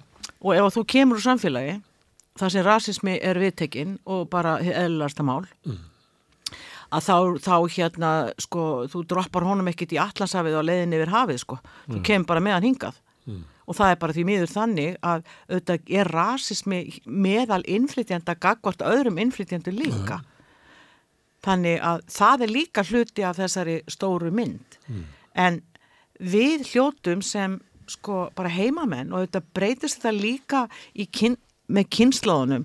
Sko sumar af þessum hugmyndir, ég, mann til ég hitt ykkur tímann mann sem að var félagsvæðingur í Princeton og hann hefði mikið skrifað um rasisma og hann sagði blessum að ég hef enga trú á því að fólk skiptum skoðum hvað þetta var þar nú segi ég og var svolítið bara vonlaus. Þannig að nei þetta bara deyr með fólkinu þegar það deyr. Mm. og það er kannski hérna líka ákveðin hérna von sem fælst í því að, að þessar hugmyndir hverfi með deyjandi kynnslóðum því að yngri kynnslóðir eru væntalega sko miklu meira eh, hvað heitir þetta þú veist, þau eru er miklu vanarið í að, að sjá fólk sem er allt öðruvísi, þú veist, bara internetinu og allstaðar, mm. veit ekki alveg um í sínu daglega lífi, en, en vonandi eru þau viðsýtni og... Mm. En er, er það þannig að ég veit að við hefum haft svona þess að framfara trú að uh, unga kynslu sé alltaf betri en, en svo sem á undan kom en auðvitað er það ekki þannig og þess vegna er við að ræða um bakslag í alls konar mm. réttita barátu vegna þess að þetta er ekki þannig og ég hefna kynnslóni sem að var að drepa hvora aðra hérna fyrir miðja síðustu öll mm. var ekkert skarra heldur fólki sem að, að ekkert 870 fólkið hérna 1940 fólki var ekki betra það sko. Það er ekki, þetta fer í það er, það er kunst að halda upp í menningu og, og, og, og styrk samfélaga. Og ég minna Við erum náttúrulega búin að vera að keira okkur upp hafinu einstaklisíkju og við erum ekkert búin að vera að selja góð í hóptýrun okkar Nei. í sko áratugum saman og, og svona miða við hvað í það hefur lagt og þá kemur mér ekkert ávart að við fengjum bara yfir okkur sko bara stórkostlegt bakslag sko. Hér á landi? Já, bara í, já okkar er Vesturlandum. Mér finnst bara Vesturlandin vera, þau eru orðin þau eru orðin ofbeldisfull og þau eru hérna með hernaðarhyggju, þau eru að trú á því að ofbeldis í alltaf lausnin, mm. miklu meira heldur en þegar ég var yngri sko það sem að var svona, maður heyri stundum í diplomat, nú heyri maður bara í hersöðingjum. Mm -hmm. En það er náttúrulega líka þessi áhersla, sko ég held við hljóttum líka að reyka þetta heim til föðurhúsuna að því mm. leitunum til, þessi ofur áhersla á ég en ekki mm. við. Mm. En hver er ég ef það er ekki við? Hvar væri ég ef það væri ekki við? Ég segja við börnum mín að svona 90% af mér er, er á milli mín og annars fólks og búið að lítið að mér inn í mér Já, ég meina við, við existerum, við erum ekki til tilvist okkar grundvallast að því að vera í samskiptu við annað fólk og þá er, þá er þessi spurning og auðvitað er það líka sko, eftir höfðinu dansa limitnir, það á bara við svo ótalmart þegar stjórnvöld eins og hérna mm. stjórnvöld hafa ekkert lagt sér fram um að taka vel á móti innflytjandum mm. það er bara rosalega lítill áhugi með að ríkjandi valdhafa á stöðu innflytjanda í landinu. Mm. Það er fagurgali á hátíðstögum og lulu, eitthvað veist, Íslandsmál Þau líti á þetta sem persónult mál að ef að þú ert innflytjandi hérna þá var það þitt mál að verða Íslandíkur og í sjálfum sér getur samfélagi hitt gert í því. Ég held að þetta sé svona stefna nei, stjórnvalda meira og minna. Já, ég meina það er fullt af, sko, ég, já, ég ætla að segja, tak, svo því sé líka haldið mm. til haga. Það er einna hellingur af fólki í skólakerfinu til dæmis sem leggur sig einarðilega fram, mm. aðrir ekki. Mm. Og það er því miður oftast, eftir að ég kennst næst, að því miður er það of oft þannig að það er háð sko einstökum skóla yfir völdum í einstökum skólum hvort þessum málaflokki er synd almennilega eða ekki. Það er að segja að það þýðir þá það að það kemur ekki ofanfrá, það er ekki sem sagt almenn vitund, heldur er það undir skólastjórunum og aðstofaskólastjórunum og kennaraliðinu komi hvernig tekið er á þessum málaflokki og að sjálfsögðu þurfum við að setja miklu, miklu, miklu meiri peninga í það að hjálpa þessum krökkum að læra íslensku. Ég hreinlega ber kvíðbóða í brjósti yfir því að sjá einflindar krakka í stórum stíl detta út úr framhaldsskóla finna sér svo allt í einu saman með, já við erum öll börn innflytjanda, við erum öll hérna út, jáðarsett hvað, það, það, það þarf engan sko, það þarf engan sérstaklega spáman til að, að geta sér til um framhaldi á því eins og þú hefur verið að tala um hérna sko líka bara með krakka sem eru hálf íslensk sem finna sér jáðarsett mm. og ég var að... Það ágætti stæmi um rasisma. Já, ég það tók sem... saman tölur um daginn fyrir mm. Reykjavíkuborg, ég var með fyrirlestur, já, starfsfólki Reykjavíkuborg á grunnskólum og eitthvað og þá fór ég í þessu tölur bara eftir hástofunni, þú veist, fyrsta á ennu kynslu á inflinda, fyrsta kynslu eitthvað 10.000, svo bætst eitthvað við og svo tók ég líka sem voru sem sagt með annað fóreldri af velendum uppruna. Og þá er ég komin í töluna á landsvísu 25% af alls grunnskólabönnum eða frá 0 til 16 ára held ég eitthvað svo leiðist það er bara rosalega há tala. Og það veist, og það getur verið allavega sá sem er hálfur þetta og hálfur hitt getur verið eins og einni rannsóks ég var með fyrir mörgum árum það sem var að skoða íþrótt og þáttöku nei hérna innflýnda krakka í bregaldinu mm. og það var bara einn stelpa ég mánu ekki alveg hvað hér en segjum bara hún heiti Jóhanna Ólastóttir mm. Jóhanna Ólastóttir bara samkvæmt nafninu og allir hún bara íslensk stelpa, nei mammina var tælensk, mm. pappina hétt að vísu jájú, hann hétt Ólafur og hún hétt Jóhanna en hann var algjörlega út úr myndinni bara frá því að hún var í vöggu þannig að hún elst upp á heimili mm. með tælensku móðu sinni hún, staða hennar er allt önnur heldur en nöfnunar sem á báða fóreldar íslenska skiluru og við þurfum einhvern veginn að geta tekið utanum og, og, og, og haldið utanum þessa krakka sem að einhvern veginn skólakerfi var allavega lengst af ekki tilbúið til að mæta. Og svo er þessi fagurgali líka, ég verði að segja það þessi skóli án aðgreiningar og, og hérna gott og vel, þetta er fögur hugssjón en það fylgir því ekki, það fylgir því ekki fjármagn. Og ég á vinkunum sem er grunnskólakennari og hún segir að helmingurinn að nefndum 11-12 ára eitthvað krakkar sem hún er að kenna helmingurinn er með inflitakrakkar og þá þurfa miklu, miklu, miklu meiri stöðning varðandi málskilning mm. og það þarf að hlú að þeim og það þarf, ég veit ég var að sá okkur auðlýsingu í gærum eitthvað uh, app sem að, þú veist, það er alls konar í gangi, ég veit það, en þarna verður við bara að vera algjörlega á tánum þú veist, þetta er svo viðkvæmur hópur mm. og það, það þarf svo lítið til að hérna eitthvað neginn finnir sig ekki mm.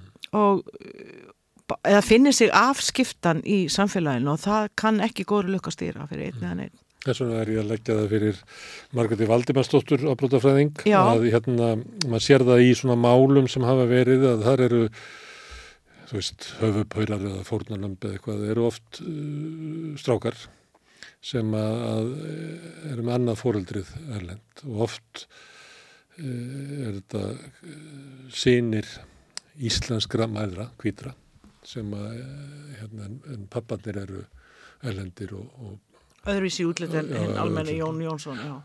Þeir hérna eru á glapstigum og þá er spurningin sko að því að, að glæpir aukast hjá, hjá þeim sem ekki eh, ná inn í samfélagið er ekki eh, bóðið ánga, það getur verið bara aðti háti, erfileikar í skóla og svona á einhver tíman á uningsárunum að þá nær fólk saman og getur fundið virðingu annar staðar fyrir mm -hmm. utan því formulega kerfi En ef við verum með stráka sem eru íslenskir, nefnum að þeir bara líta þess öðris út og þá er neinn haldið fyrir utan samfélagið vegna þess að þeir líta öðris út. Og þá erum við komið með eitthvað svona, það sem er rasismi samfélagsins, er eiginlega búa til glæbamenn öfut við það sem er haldið fram alltaf í þessu bladri í, í fjölmjölum og, og samskiptamjölum að þetta sé vangeta innflýtjandina til aðlagast. Mm -hmm. að þannig að þetta er bara svo skýrt dæmi um að það er auðvitað samfélagi sem að býr til aðgreininguna en ekki innflýtjandi Nei, félags, þetta, þetta er félagslegar aðgreiningar sem að þeir sem ráða búa til. Mm. Og, og hérna og þarna, það eru náttúrulega alls konar, ég veit, kjensleefni sem er að íta undir að sko mikilvægi margbreytileikans og allt það en við eigum langt í land og þetta er, þetta er, þetta er hérna þetta er langt, þetta er ekki þetta er ekki, þetta er ekki hvað heitir þetta sprettlöp, þetta er langlöp en eitt líka sem að ég hef reykið mér mjög vel á, mikið á í íslenskri menningu og hafandi búið Erlendis í, í, í öðru löndu líka, Svíþjóð Fraklandi Svíjar eru svona svolítið eins og við. Við erum svona svolítið svona við hleypum ekkert að okkur fólki svo glatt. Nei. ekki eins og um dönum sko. Nei og ekki eins og hvert öðru. Já, já. ekki eins og hvert öðru Gunnarsmári vegna þess. Og þeir eru vanir að þeir fóru ílla með finnan á síðan tíma Já en það er bara svona í íslensku svona samskipti íslensk svona almennt séð almennt séð þetta eru alltaf alhafingar sem eru alltaf til hundra undatengar á. En til dæmis bara eins og það við erum alltaf, við erum svo mikið ennþá í litla, litlu sókninni litla repnum, það sem allir þekkja Jón Hrefstir á hóli og sér að Pála á, á, á, á brekku, skilur og svo tölum við út frá því.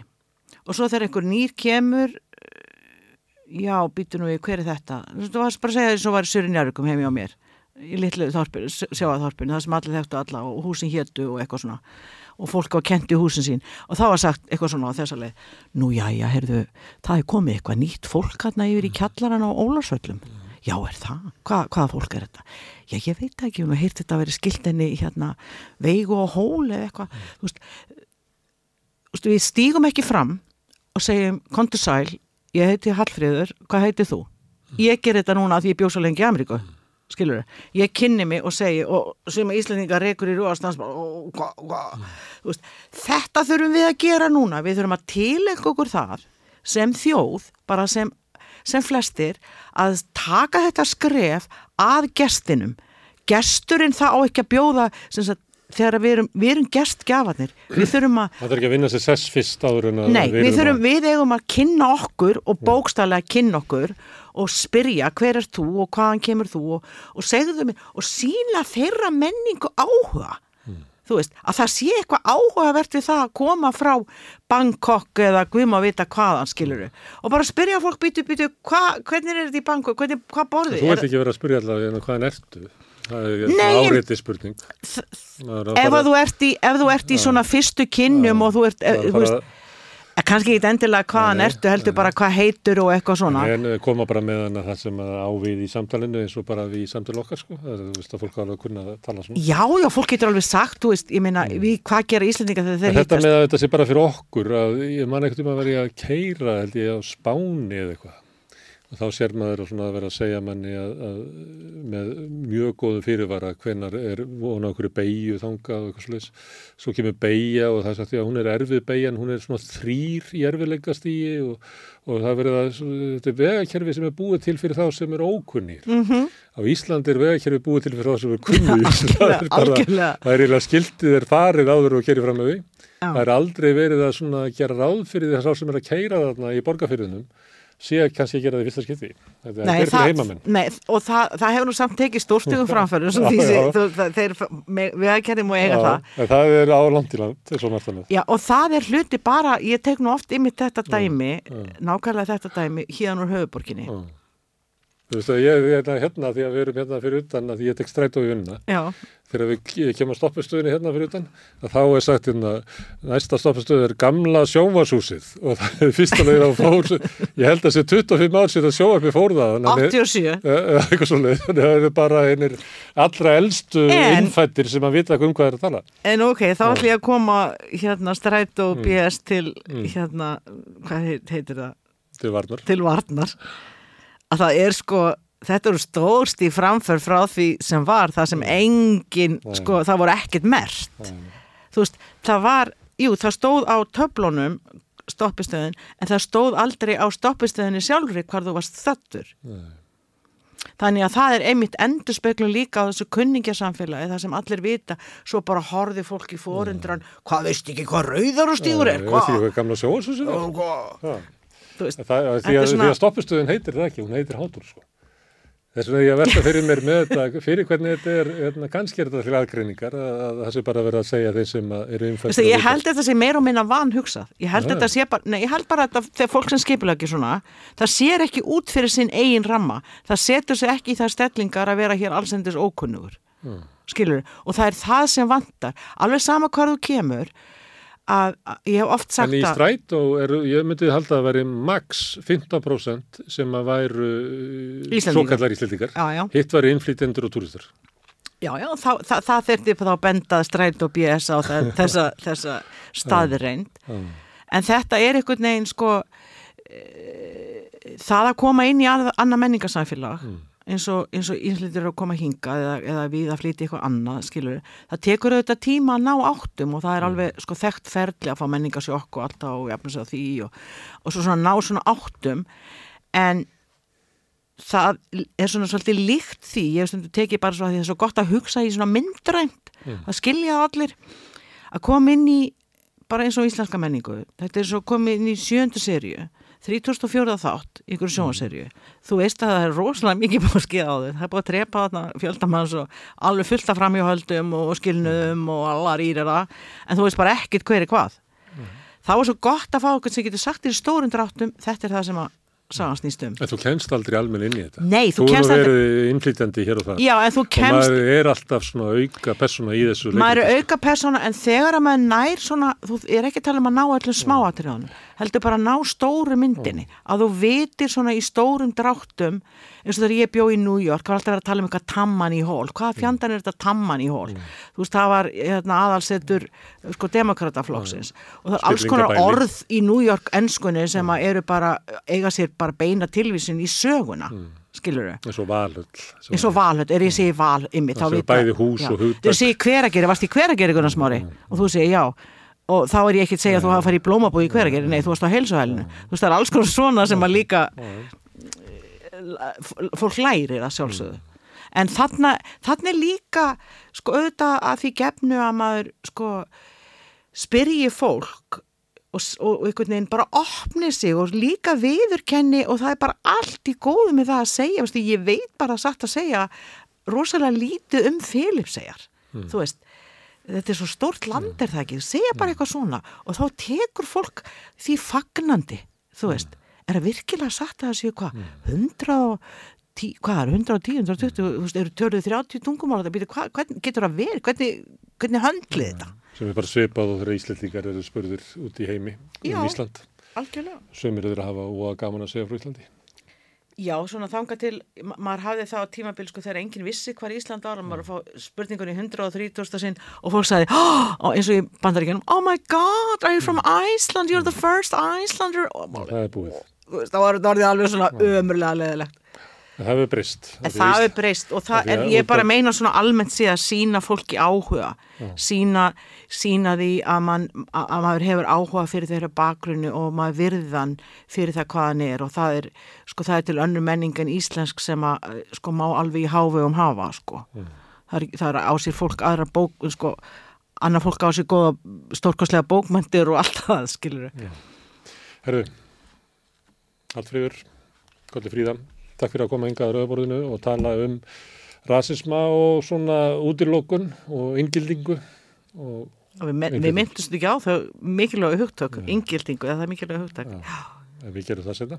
Já. Takk fyrir komuna. Gerum Við það. ætlum að láta þetta vera lokin í, á rauðaborðinu í kvöld. Þakka öllum gestum sem hafa komið hingað og ykkur sem hafi hlustað. Við gæti ekki á því að þið geti hjálpa okkur að byggja upp samstöðuna e, með því að gerast áskrifundur til dæmis. Það kostar bara 2000 krónur sem er ekki há uppæðið með sagt e, fyrir fjölmiðil sem framleiði oft mikið efni á samstöðin. Ég held að mokkin kosti næstu í tíu skall. E, þau sem að vilji gera þáskötu geti farið inn á samstöðu.is, það er hnappur sem ástendur áskrift eða ítið á hann, þá geti skráð ykkur. Þau sem að kjósa geta látið áskriftina renna sem félagsgjöld inn í alþjóðufélagið og verið félagar þar og það er alþjóðufélagið sem á samstöðuna, þannig að fyrir 2000 krónur á mánuði þá megið þið eiga fjölmiðil. En ég þakka fyrir í kvöld og veg aðtegli á rauðaborði verður líklega á morgun klukkan 8. Við erum í vandraðum hér með nágrann okkar sem eru vilja brjóta vegg og er alltaf að bóða að þeir brjóta í veggin en svo brjótar ekki veggin, þannig að við erum með þetta hangandi yfir hausnum á okkur dag eftir dag því að þegar við fara að brjóta veggin þá getum við ekki tekið upp og getum ekki sendt út til ykkar. Við sjáum hvernig morgundagur er fer. Fyrir í kvöld og góða nótt. Hvernig getur við réttlætt að helmingur eblingakvenna býr við slæma andlega heilsu? Ebling stjættarfélag. Baróta fyrir betra lífi. Segðu það á samstöðinni.